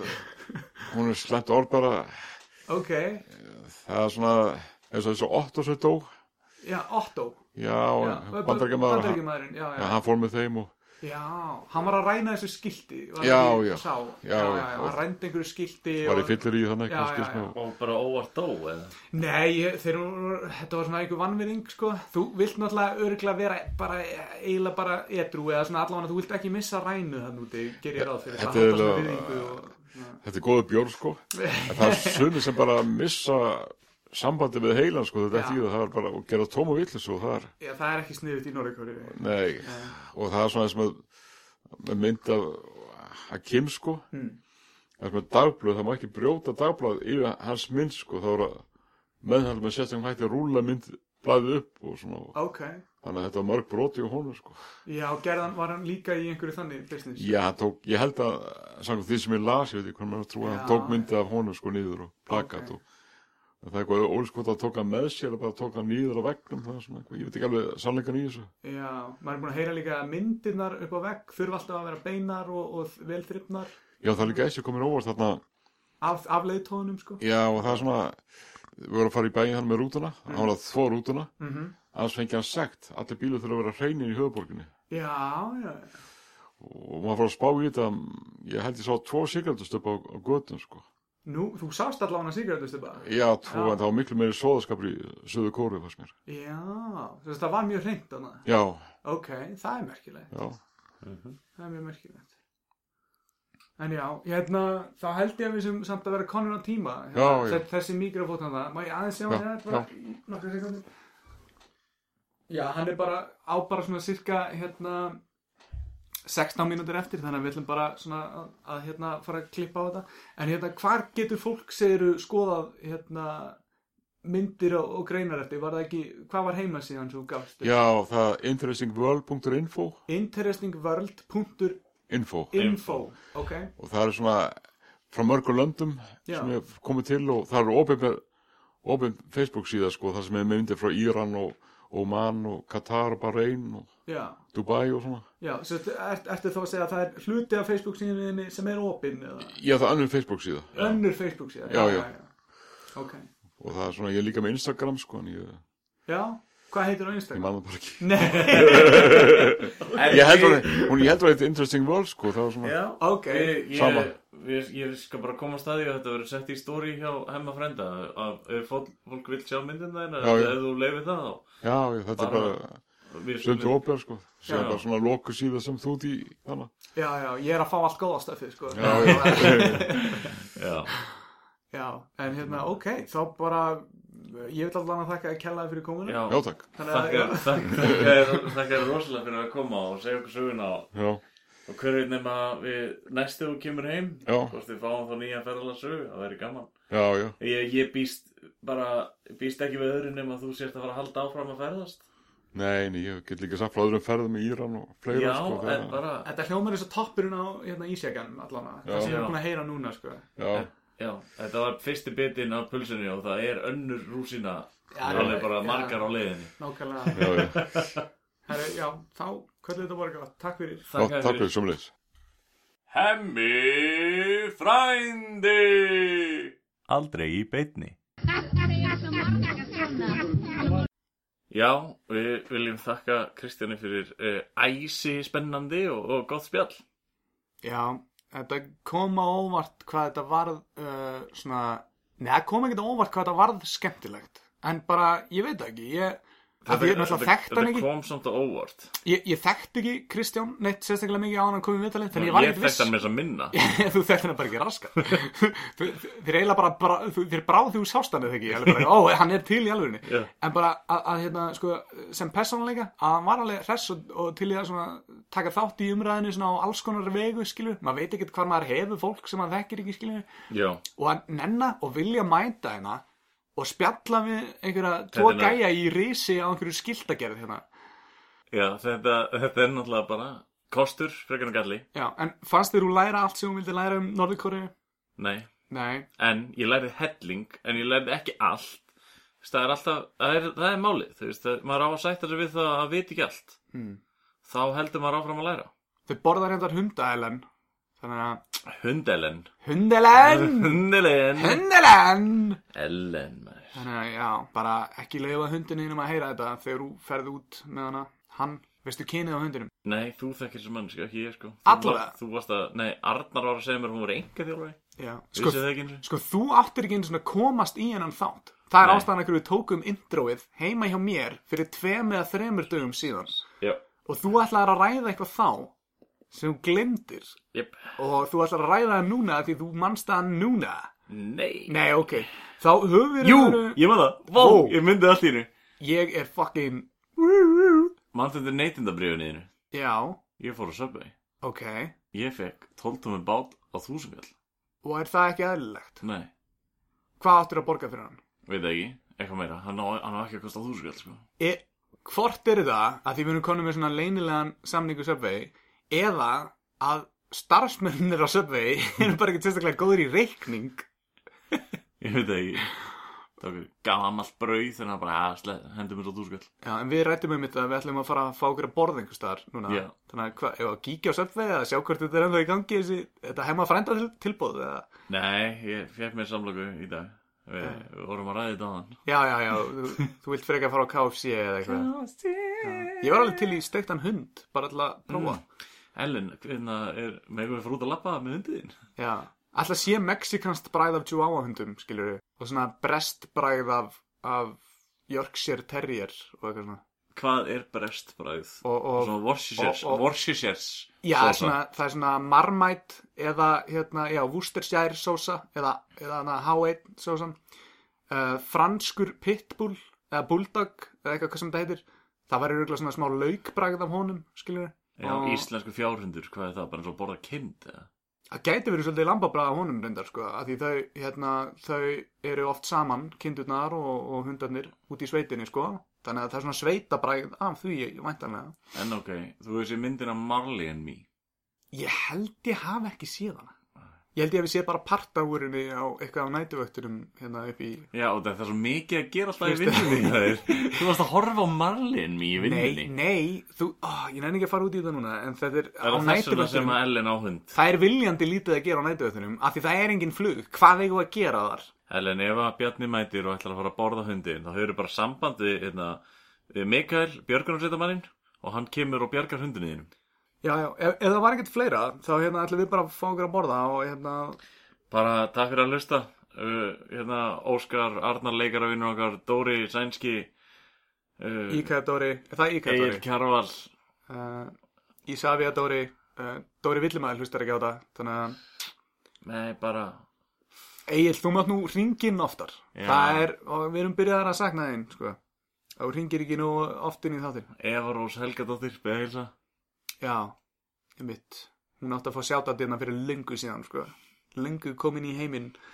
Og hérna, já, en nú reyndum við komum svolítið síðan við fórum að taka og bless Uh, já, ennþá frábær staður og, og hérna, tengist ekkert magakveisinu sem ég fekk um daginn. Mm. Nei, það er reyndar hérna Langar svolítið, hérna Ætla sé ekki best að fá sér takk á þriðutum Veistu, gæti ekki verið að það sé smá tilbóð á þriðudöfum. Er það? Ég held það. Ég held Eitthvað svona þriðutas tilbóð? Já, já, Er svo eins og þriðjudagstilboð. Dominos kannski? Eða? Hvað er það? Er Nei. þeir með eitthvað tilbóð á þriðudöfum eða? Já, það er allan ekki takk á Tuesdays tilbóðið Ah, Tilbóðið nú, er þetta, ta- nú, hvað er þetta þá? Er Ekki Tuesday þriðutar Jú, ég held það. Já, það er, það er, það er takk á Tuesday Já, en hann getur þetta ekki taka kjústi. Já, nei, þú veist, þriðutas tilbóðið Dominos er ekki takk á Tuesday Þú fær ekki takk á Dominos Þú fær takk á takk á Bless Það er rétt. geggja að breyta auðlýsingu í rifrildi